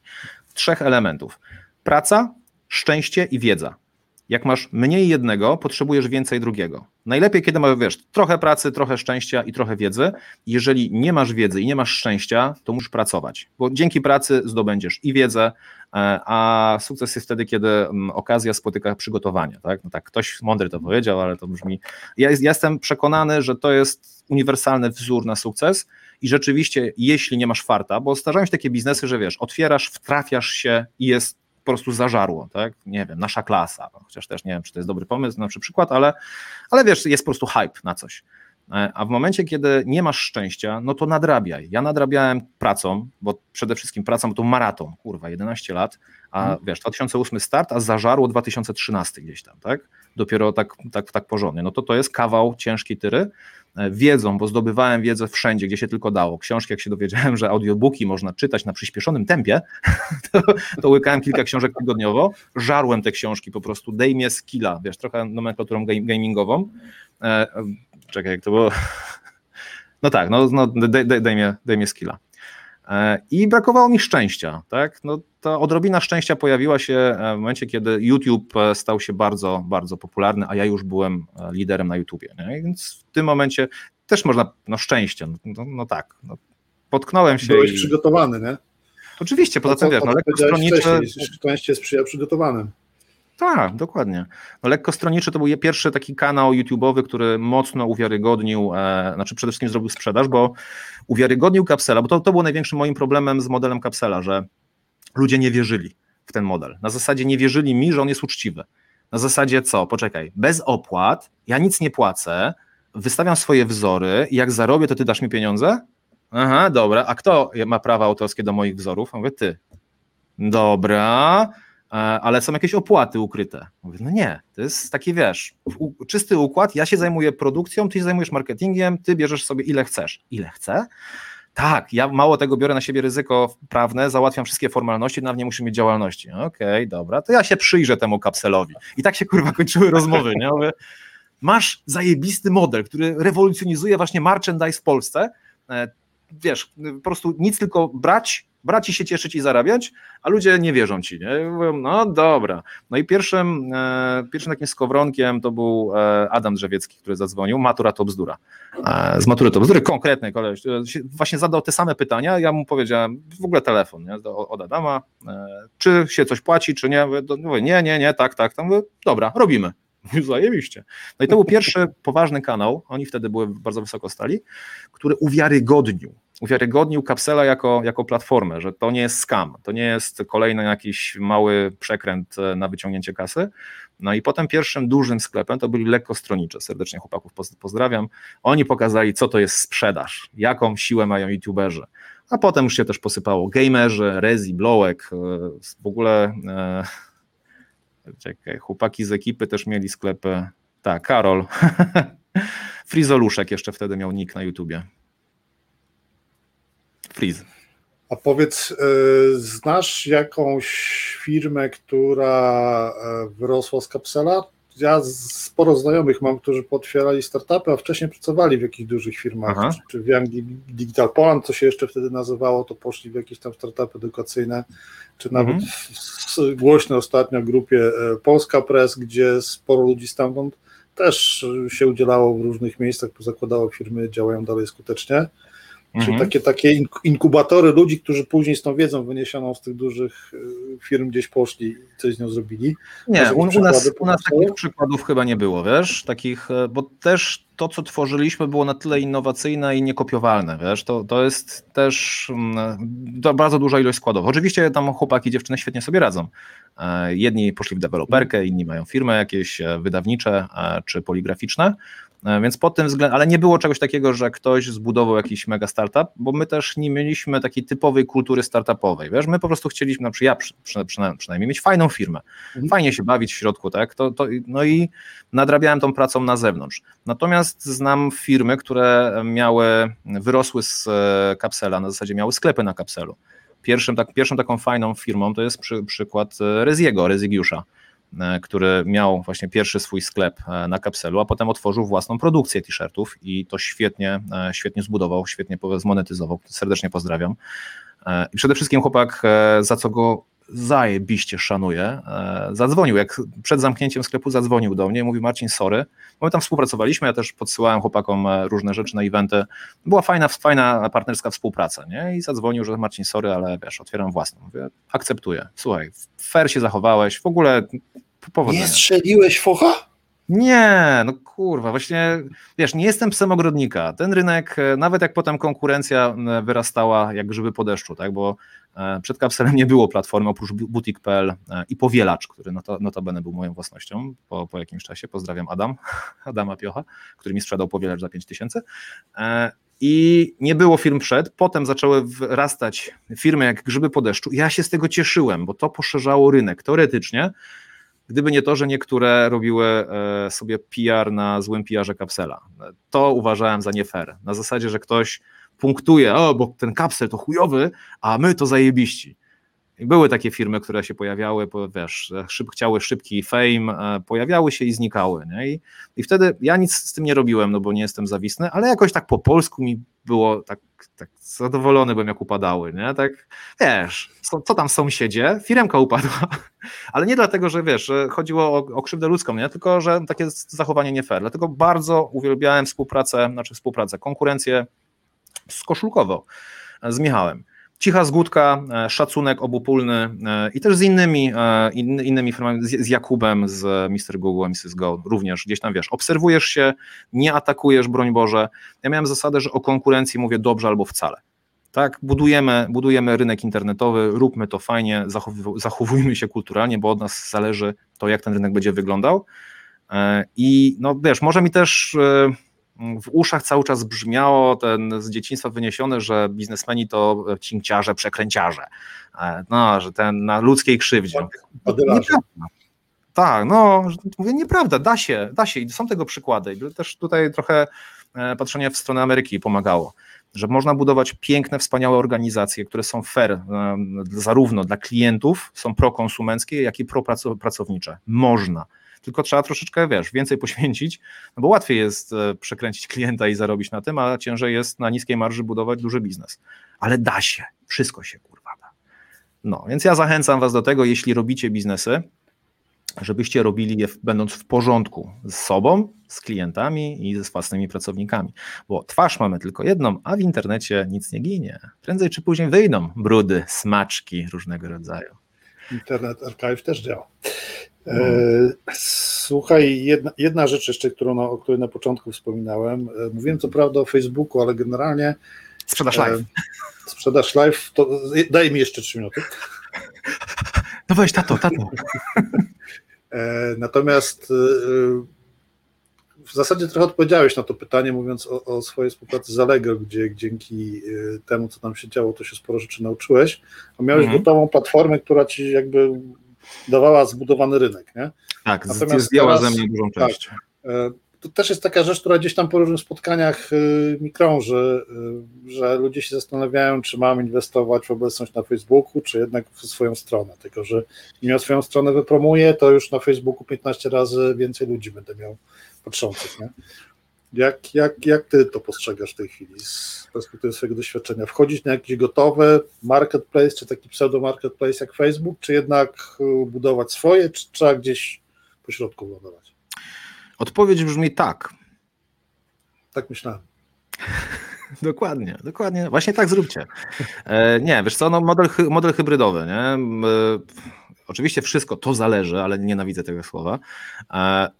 Jeżeli klient już jest na Allegro, jeżeli klient jest na Facebooku, to robisz to. Od razu idziesz tam, gdzie jest klient, nie wymyślaj koła na nowo, ale bądź przede wszystkim bogatszy o, o tą wiedzę, że firmy, które są prywatnymi firmami, nie zależą od ciebie. Mogą, tak jak Allegro, zmienić zasady, mogą cię wyciąć, tak jak Amazon wycina swoich, e, swoich klientów, przejmuje po prostu rynek e, tam, gdzie mu się podoba, e, czy tak jak Facebook obciąć zasięgi z dnia na dzień.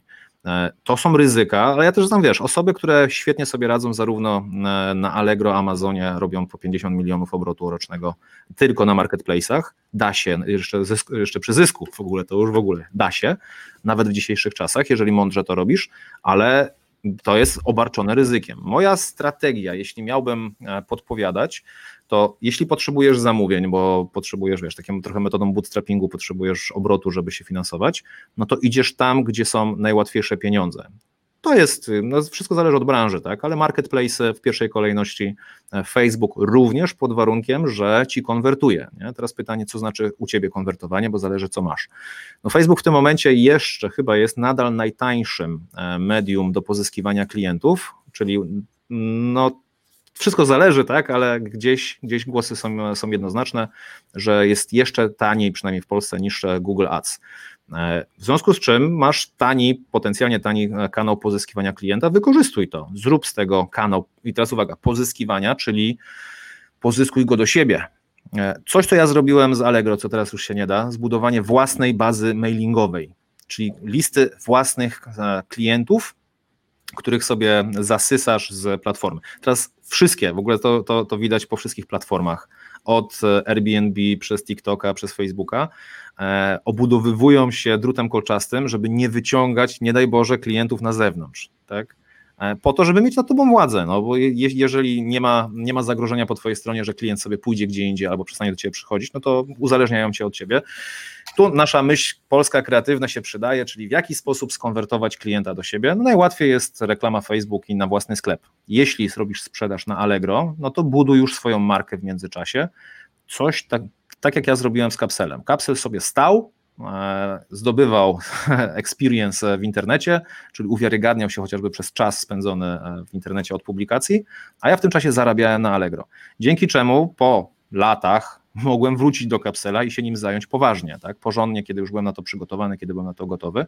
To znaczy, że jeśli jesteś uzależniony, 80% e, sprzedaży jest z Allegro, to te 20% niech będzie z innych źródeł, zależnych od ciebie, B2B, tak, albo właśnie własny sklep internetowy e, i buduj, buduj potencjał, bo czas w biznesie będzie działał na Twoją korzyść. Teoretycznie. Jeśli twój rynek się nie zawinie, tak jak na przykład rynek GPS-ów samochodowych, który przestał istnieć prawie że z dnia na dzień, bo Google Mapsy weszły na Androida. No, z pewną sympatią od czasu do czasu przesuwam w szufladzie GPS, jak mi przeszkadza, żeby coś innego wyjąć. Ale to jest, ja uwielbiam te, ten case, wiesz, to jest coś, czego mm, uczę młodych przedsiębiorców. Ja uwielbiam e, jeżeli zrobisz wszystko zgodnie ze sztuką, jeżeli każda analiza będzie ok, kiedy wszyscy będą mówili, że to, co robisz, jest dobre, to i tak jest szansa, że to pójdzie się jebać. I taka jest prawda. I właśnie rynek GPS-ów samochodowych był genialnym przykładem. E, był boom na GPS-y, to powiedzmy naszym słuchaczom, jeśli pozwolisz. Boom na GPS-y samochodowe, GPS-y takie małe, e, małe maszynki, które przyklejałeś do szyby na kabelku i one pokazywały ci drogę. Super. I wtedy mądre głowy, analitycy wycenili ten rynek. Wystarczyło policzyć ilość użytkowników samochodów kontra nasycenie rynku, kontra ja, ile wart jest ten rynek. E, no to co? Pożyczki, budowanie hal produkcyjnych, całe fabryki powstawały, gigantyczne inwestycje i cały rynek został zamieciony przez Google Maps. Tak po prostu z dnia na dzień prawie, że ten rynek przestał istnieć, E, utrzymuje się do tej pory, bo mm, często jest tak, że trup jeszcze nie wie, że jest trupem, tak? I walczy do, ostatniej, do ostatniego tchu i będzie udawał, że wszystko jest ok. No bo jest ten rok wypadczy. Co utrzymuje się też dlatego, że na przykład TomTom dostarcza y, mapy dla producentów samochodów, nie? Nie, no spoko. Ale powiem Ci, że w moim aucie y, tak mnie kurczyło y, aktualizacja mapy, że jednak korzystam ze smartfona. Nie? Dokładnie. Nie? Szczerze właśnie te, te samochodowe też nie korzystam. Nie? Usability tego jest spieprzone. Poza tym oni nie, nie, są, nie są w stanie konkurować z czymś, co jesteś w stanie zmienić z dnia na dzień, tak? A zrobić mhm. aktualizację, zrobić nowe usability. To nawet nie robisz aktualizacji, po prostu ona Masz. się robi, nie? Tak, konsumpcja, to zobacz, konsumpcja treści, e, to w jaki sposób konsumujemy treści się totalnie zmienia. E, masz e, swipe e, right, swipe left, to się zaczęło od Tindera, tak? TikTok teraz też wprowadził, czyli mamy co, co, co rusz nowe zmiany i samochody, które mm, są na lata mimo wszystko i próbują naśladować obecne trendy, w moim mniemaniu, zwłaszcza te technologicznym, to jest trochę pułapka. No bo te trendy się błyskawicznie zmieniają w ciągu roku, a samochód będzie trwał 10 lat. Mhm. E, no, ja nie mam jakiegoś takiego jasnego przykładu, no ale te GPS-y są fajnym przykładem jako brak totalnie usability, gdzie wiesz, biorę sobie nowy samochód z salonu, nie i tam klikam, żeby wejść, żeby wpisać jakimś trudnym wyszukiwaniem, mówię, dobra, chrzanie cię mam, mam, mam w komórce, nigdy tego nie będę używał. Tutaj Igor wrzucił dwa komentarze. Jeden, e, tak jak zniknęły GPS-y samochodowe, tak pokazały się wideorejestratory. E, ja natomiast wróżę, uwaga, wróż, wróż Jarek, że za chwilę też je wetnie, dlatego że u mnie w samochodzie z przodu są trzy kamery. Mhm. Nie widzę powodu, dlaczego która z nich nie miałaby nagrywać obrazu drogi, a są potrzebne do tego, żeby znaki drogowe i, i ruch na drodze rozpoznawać. Więc pewnie za chwilę ktoś tam coś z tym wymyśli. I kolejny komentarz Igora, tak samo na przestrzeni trzech lat zniknął rynek aparatów cyfrowych. No może nie do końca, ale się na pewno bardzo mocno zmniejszył niż... E, Igor, zniknął trochę inny rynek, znaczy może nie zniknął jeszcze, ale dostał po, po dupie, czyli rynek e, fotografów, profesjonalnych fotografów, chociażby e, zdjęcia ślubne, bo mam akurat znajomych z, z tych branży, no to na, tam już naj, najtwardsi wygrywają, nie? no bo nie będzie, nikt nie jest w stanie konkurować e, z panem wujkiem Januszem, z EOS-em najnowszym, tak, no bo to teraz wszystko załatwisz oprogramowaniem, więc ja się tu nie zgadzam, że właśnie rynek e, aparatów cyfrowych zniknął, no bo jest po prostu mocno się zmienił, ale rynek klisz, no Kodak na przykład. Jeszcze robią, ale to już dla, dla fanów. No. Pozdrawiam Frotę. E, w, tutaj jeszcze jest taki fajny komentarz, który e, mhm. otworzył pewną klapką mnie w głowie. E, rynek radio? GPS-ów Radio Kingston utrzymuje się w niszach Pro. TIR nie korzysta z Google Map. To chyba trochę tak jak jednak z tymi aparatami cyfrowymi, tak? Komórki wyparły te wszystkie małe małpki, które tak. można było szybko, łatwo zrobić zdjęcie. Osoby, które potrzebują czegoś lepiej, to jednak korzystają z tych aparatów, czyli ci Pro. Mhm. Jeszcze tacy są. Oczywiście. No i rynek e, profesjonalnych aparatów. Podejrzewam, podejrzewam, że też te mapy, które są dla tirów, to mają trochę inną specyfikę informacji, którą przekazują. Mhm. Niż, niż to, co robi Google, a Google'owi pewnie się póki co to nie opłaca, no bo za wąski rynek. Nie? No jak będzie chciał, to, to pewnie przejmie, ale rzeczywiście gdzieś tam na, na tych niszach oczywiście istnieje, nie? bo to, to, to było dużym uproszczeniem, no ale to był rynek wyceniany na pierdyliardy, nie? pierdyliardy no. i tam grube pożyczki szły na budowanie hal produkcyjnych. E, I z, z tymi cyfrówkami to też jest tak, że cyfrówki zaczęły wypierać w kamery. E, to też bardzo fajnie, fajnie też pokazało, nie? że te takie zwykłe steadicamy, tak coś się nazywa steadicam? Nie mam pojęcia. Nie wiem, jest. też mam taką przykład. Jesteśmy, dobra, jesteśmy ekspertami. Obok GPS-a. No i że się okazuje, że możesz Full HD nagrać aparatem, no to wystarczy ci jeden aparat i już, już cały, cały ryneczek jest pozamiatany. Spoko. Jeszcze, bo będziemy powoli kończyć, nie, Jarku? Ale nie będziemy mówili o tym, to? Sprzedaży nie, no dobra, to, no to pomówmy, ale pomówmy o tym. Ale Marcin, to co teraz cię pasjonuje? To ja ci powiem, Jarek, dobrze, że zapytałeś. No mów, bo nie wiedziałbym. Jak Sprzedaż live, jakby ktoś nie usłyszał, bo zakłóciłem bez sensu. A, spoko. To powiedz, Sprzedaż powiedz o co chodzi. Dwa lata temu e, na Facebooku na Facebooku odpalił mi się na moim wallu faceta, łysego faceta, męskiego mężczyzny. E, kobieta sprzedająca ciuszki do kamery. I tutaj pani Basiu, ta sukieneczka 25 zł. Mówię, what the fuck? Dlaczego mi na wallu wyświetlają się ciuszki, sprzedaż ciuszków? Mówię, no dobra, są dwie możliwości, tak? Albo ktoś korzystał z, mojej, z mojego Facebooka i zostałem źle stargetowany przez ciasteczka, albo to zjawisko jest na tyle szerokie, że ja dostałem rykoszetem i zacząłem drążyć, bo ja uwielbiam drążyć. Właśnie jestem tą, tą osobą, która coś widzi i od razu sprawdza. Sprawdza, weryfikuje, tutaj sobie sprawdzi, a w KRS-ie sobie posprawdzam, a tutaj e, jakieś grupki, o dodam się, sprawdzę, co tutaj gdzie piszczy. No i przede wszystkim cyferki, nie? Wpadam na live'a, godzina trzecia w nocy, na Facebooku, live otwarty, sprzedaż okularów przeciwsłonecznych, a tam pani ma 3000 osób. Nocy, no, 3000 osób. Tak. 3000 osób, nie? Na takim no. live o trzeciej w nocy. Mówię, dobra, to, to już zaburzyło moją percepcję. Jestem, wiesz, z mediów. E, byłem świadkiem, jak, kurde, wybuch YouTube w Polsce, nie? Gdzie e, miałem, tam było po 50 tysięcy ludzi na live'ach, ale tu pani niekoniecznie influencerka, przaśny ten stream troszeczkę, sprzedaje okulary, zaczęła je sprzedawać, no tutaj dziewczyny tam po 45 zł te okulary, wpiszcie słowo telewizor, nie? Tam w komentarzach telewizor, telewizor, telewizor, telewizor. o kurwa, karteczka, liczę, liczę, liczę, nie? 1225 zł w, w 10 minut. Jak? Jak?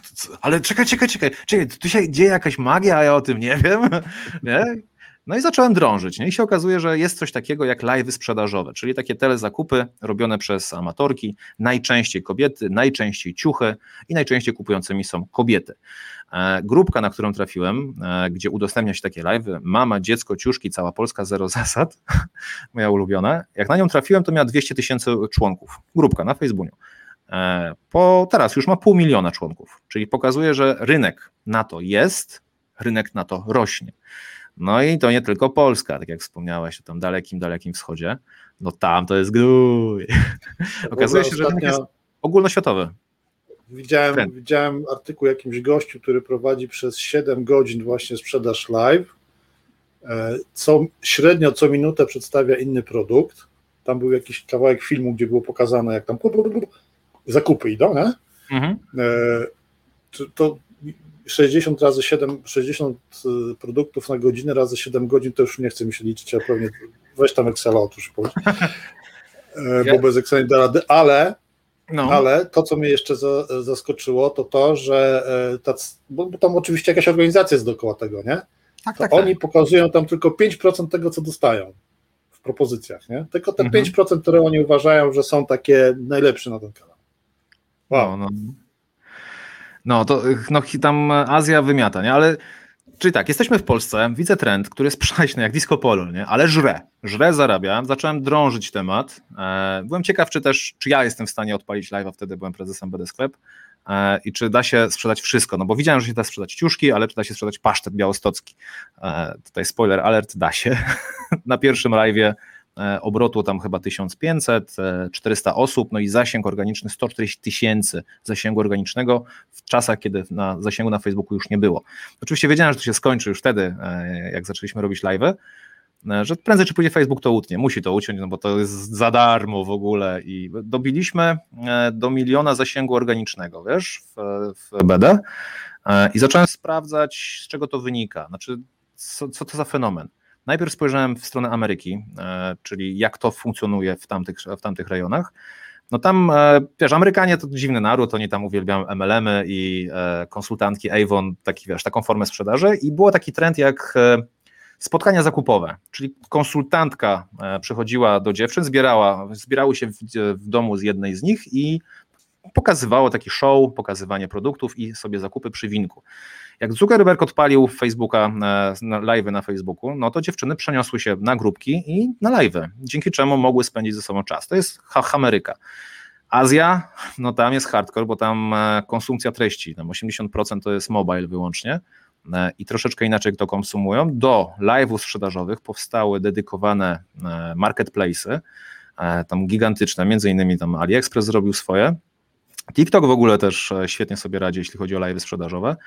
Ale to, co wspomniałeś a propos tej sprzedaży, no to do mnie docierają te informacje, tak, ja trochę nie chcę, nie chcę tego czytać, bo się, bo dostaję depresji. Rekord na jednym live streamie to jest 300 milionów dolarów w ciągu 12 godzin.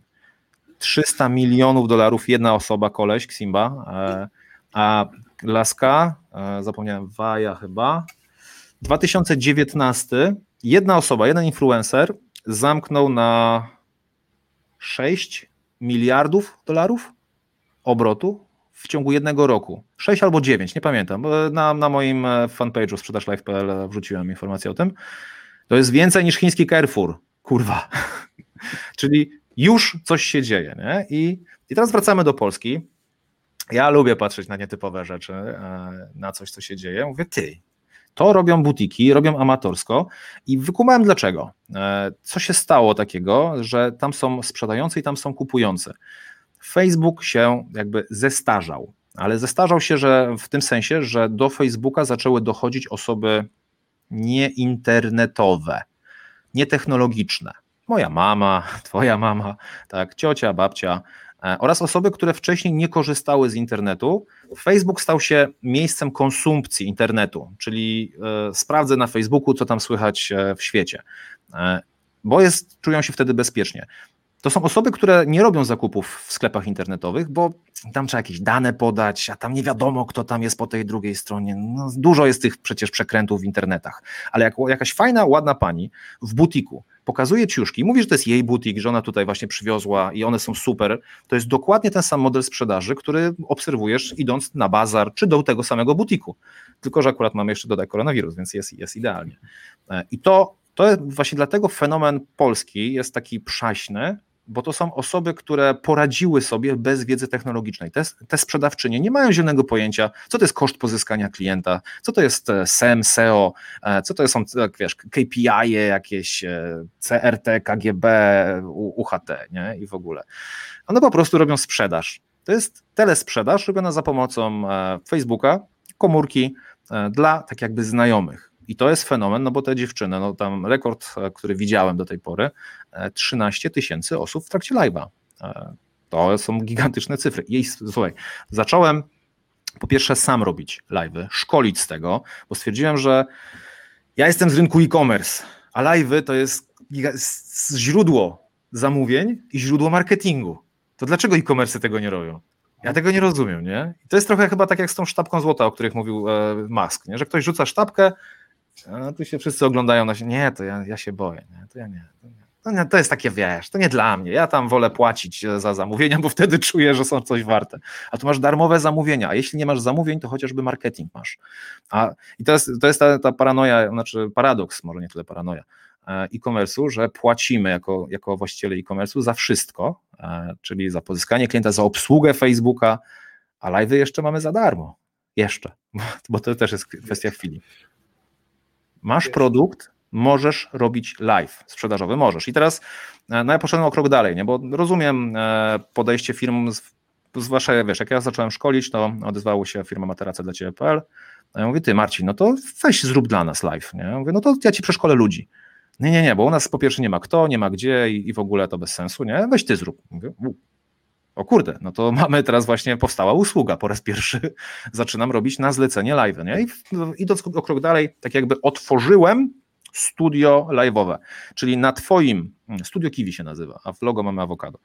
E, na Twoim fanpage'u, w Twoim imieniu, z Twoim towarem e, zrobimy zdalnie live'a sprzedażowego e, i dzięki czemu będziesz, nie ubrudzisz się, a dostaniesz i zasięgi, i sprzedaż. Tak, czy, czy tam jakiej wielkości będą zasięgi sprzedaż, to już zależy od szeregu czynników, między innymi zasięgu, jakości Twojego fanpage'a, towaru, bo to jest też fajna weryfikacja, nie? że e, gdzieś tam w internetach e, jesteś wysoko wypozycjonowany, więc masz sprzedaż, a tu pokażesz prostym kobietom, a one mówią, panie, ja mam taniej, na przykład. Czasami też się tak zdarza. Tak? U mnie questem było takim e, mocnym sprzedać materac wartości 1600 zł na live. To nie jest coś, co się kupuje, wiesz, tak ad hoc, ale da się. Da się, znaleźliśmy sposób licytacyjny E, na, na, na, zbudowanie tego. Więc jakby ktoś chciał, żebym zrobił w jego imieniu live'a, znaczy może nie ja, bo już mam prezenterki, e, to, to zapraszam. Gdzieś wiesz, to jest coś, co e, widzę trend, jest fala wznosząca na to, cały świat to robi, w Polsce nikt tego nie robi profesjonalnie, no nie, przepraszam, już, po, już są pierwsze firmy, które robią, tak, jest, jest Corner, Jakuba, jest też Live Market, są nawet już aplikacje powstają do live streamingu, więc mówię, ok, fala wznosząca, ten rynek nie jest jeszcze duży, ale coś może z tego być, w związku z czym z ciekawości, a z racji tego, że jestem na emeryturze, mówię, a pobawimy się, zobaczymy. I na razie jest fajna zabawa, teraz jest walka z zasięgami Facebooka, którego kochamy. No Facebook uciął zasięgi przy korona i to, i to pięknie. Dobrze, słuchajcie, przegadaliśmy półtorej godziny. Pięknie. I jeszcze bym miał parę pytań do ciebie, ale to może zostawmy sobie na. O, poczekaj, poczekaj, jest z nami Bożka. Bożka, Bozia Hontas. To jest moja ulubienica. To jest kobita e, na schwał, Prezes Rules. Ona kupiła moje szkolenie, bo ja, ja wydałem to szkolenie wideo. E, w, czas, w czasach korona stwierdziłem, że szybko należy, e, wiesz, dzielić się dobrą wiedzą. No i dziewczyna jest projektantką mody. To jest świetny case.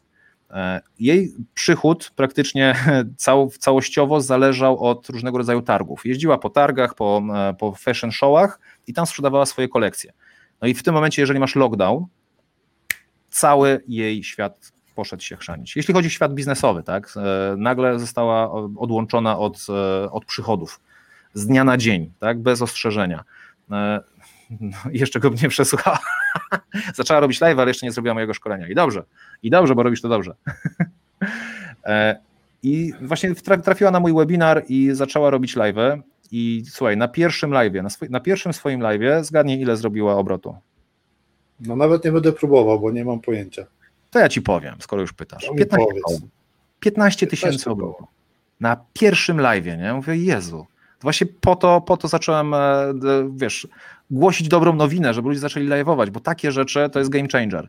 No, wiesz, nie jeden sklep internetowy nie robi 15 miesięcznie, a tutaj bez inwestycji, bez wiedzy technologicznej, bez jakiegoś, wiesz, KPI i w ogóle bez... No, najważniejszy to jest chyba ten czas inwestycyjny, bo ja sobie uświadomiłem, że jak stacjonarne biznesy utraciły możliwość zarabiania, to żeby wejść do internetu, żeby zacząć sprzedawać, czy na Allegro, czy we własnym sklepie internetowym, to są potrzebne czas, wiedza i pieniądze no musisz to przepalić, tak? No postawienie swojego sklepu w, dwa miesiące e, możesz zrobić dobry sklep, tak?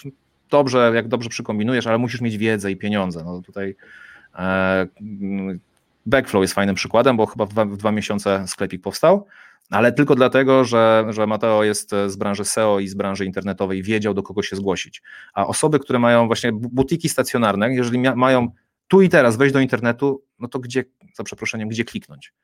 E, na Allegro. Ja wchodziłem właśnie w czasie, w czasie korony, nam e, firma flagowa też mocno, 80% w dół e, poszło, bo gdzieś tam głównym klientem były markety, no to też weszliśmy na Allegro i ja się pogubiłem. Ja, z, będący z internetu, ten, który umie w internety, który na Allegro zdobywał w pierwsze swoje sznyty, szlify, E, nie potrafiłem robić Allegro i no, zablokowali mi konto. Nie? No to teraz, skoro ja sobie nie daję rady, to jak na przykład moja mama, która e, miałaby butik, mogłaby wejść do internetu, live sprzedażowy.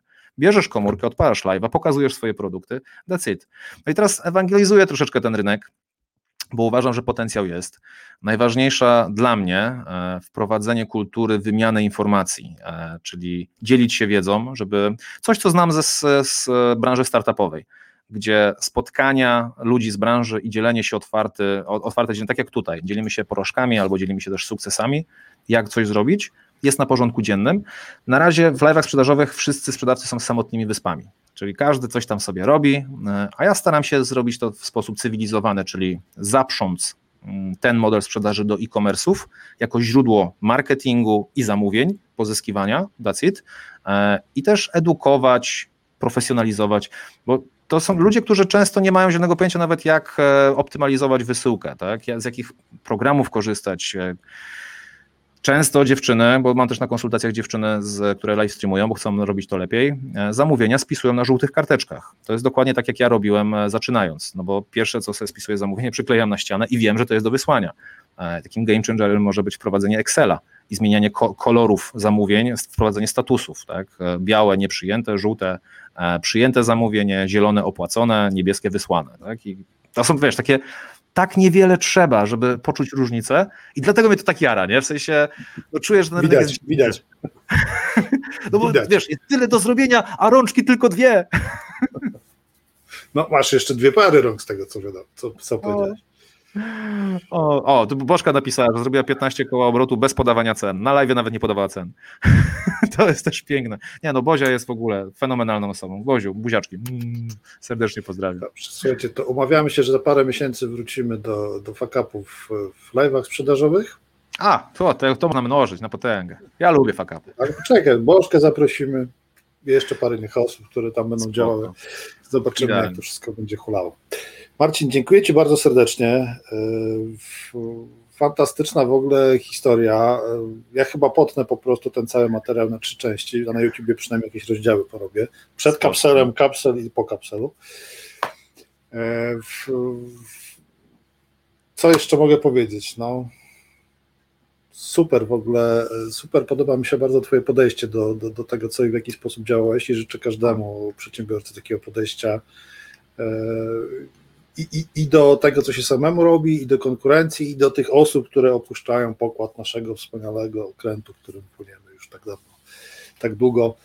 I wydawało mi się, dobro, że nie? z nami na wieki. Słuchajcie, dobro powraca. To jest w biznesie, jak i w życiu. Trzeba być dobrym człowiekiem, żeby na koniec dnia spojrzeć sobie w lustro i powiedzieć, ale zajebiliście. Dobrze. E, Bożka, jeżeli chodzi o stand-up, to zrobimy live'a wtedy takiego stand-upowego na temat fuck-upów sprzedaży stand-upowej. Idealnie, umówienie. Siemanko Robert. Dziękuję, dziękuję, bardzo, dziękuję bardzo wszystkim, którzy nas słuchali i tych, którzy jeszcze będą nas słuchali, bo za chwilę, za chwilę będzie to dostępne również w postaci podcastu, także e, jak ktoś nie miał czasu teraz spędzić tutaj półtorej godziny przed telewizorem, to będzie mógł sobie posłuchać w aucie albo przy bieganiu. E, Marcin, e, jak pisałem do Ciebie na Messengerze, to zauważyłem, że poprzednia nasza komunikacja była w roku 2014. Jest to możliwe. Kiedy jeszcze zajmowałem się Fuck Up Nightsami i umawialiśmy się, to ja przewijam w tej chwili, tak dziwnie wyglądam, bo patrzę się teraz e, swoim krótkim wzrokiem na daty na tym, kiedy umawialiśmy się jeszcze na Fuck Up Nightsy. Mhm, tak było. Jezu, Pamiętam, 2015, to nie tak dużo, przepraszam, 16. O. No, to nie tak dawno, to trochę mniej.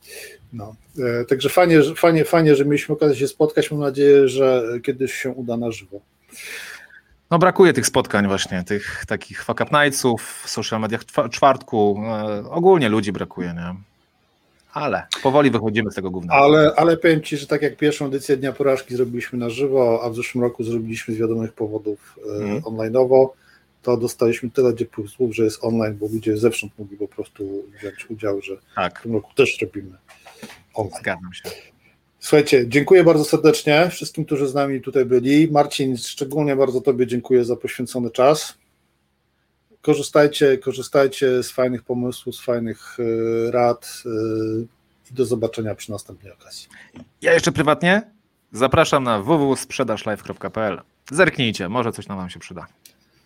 Dobrze, będzie w komentarzu feedback. Trzymajcie się. Cześć. Cześć. Dziękujemy za wysłuchanie naszego podcastu. Jeśli szukasz innych ciekawych materiałów, zapraszamy na stronę dobraporażka.pl.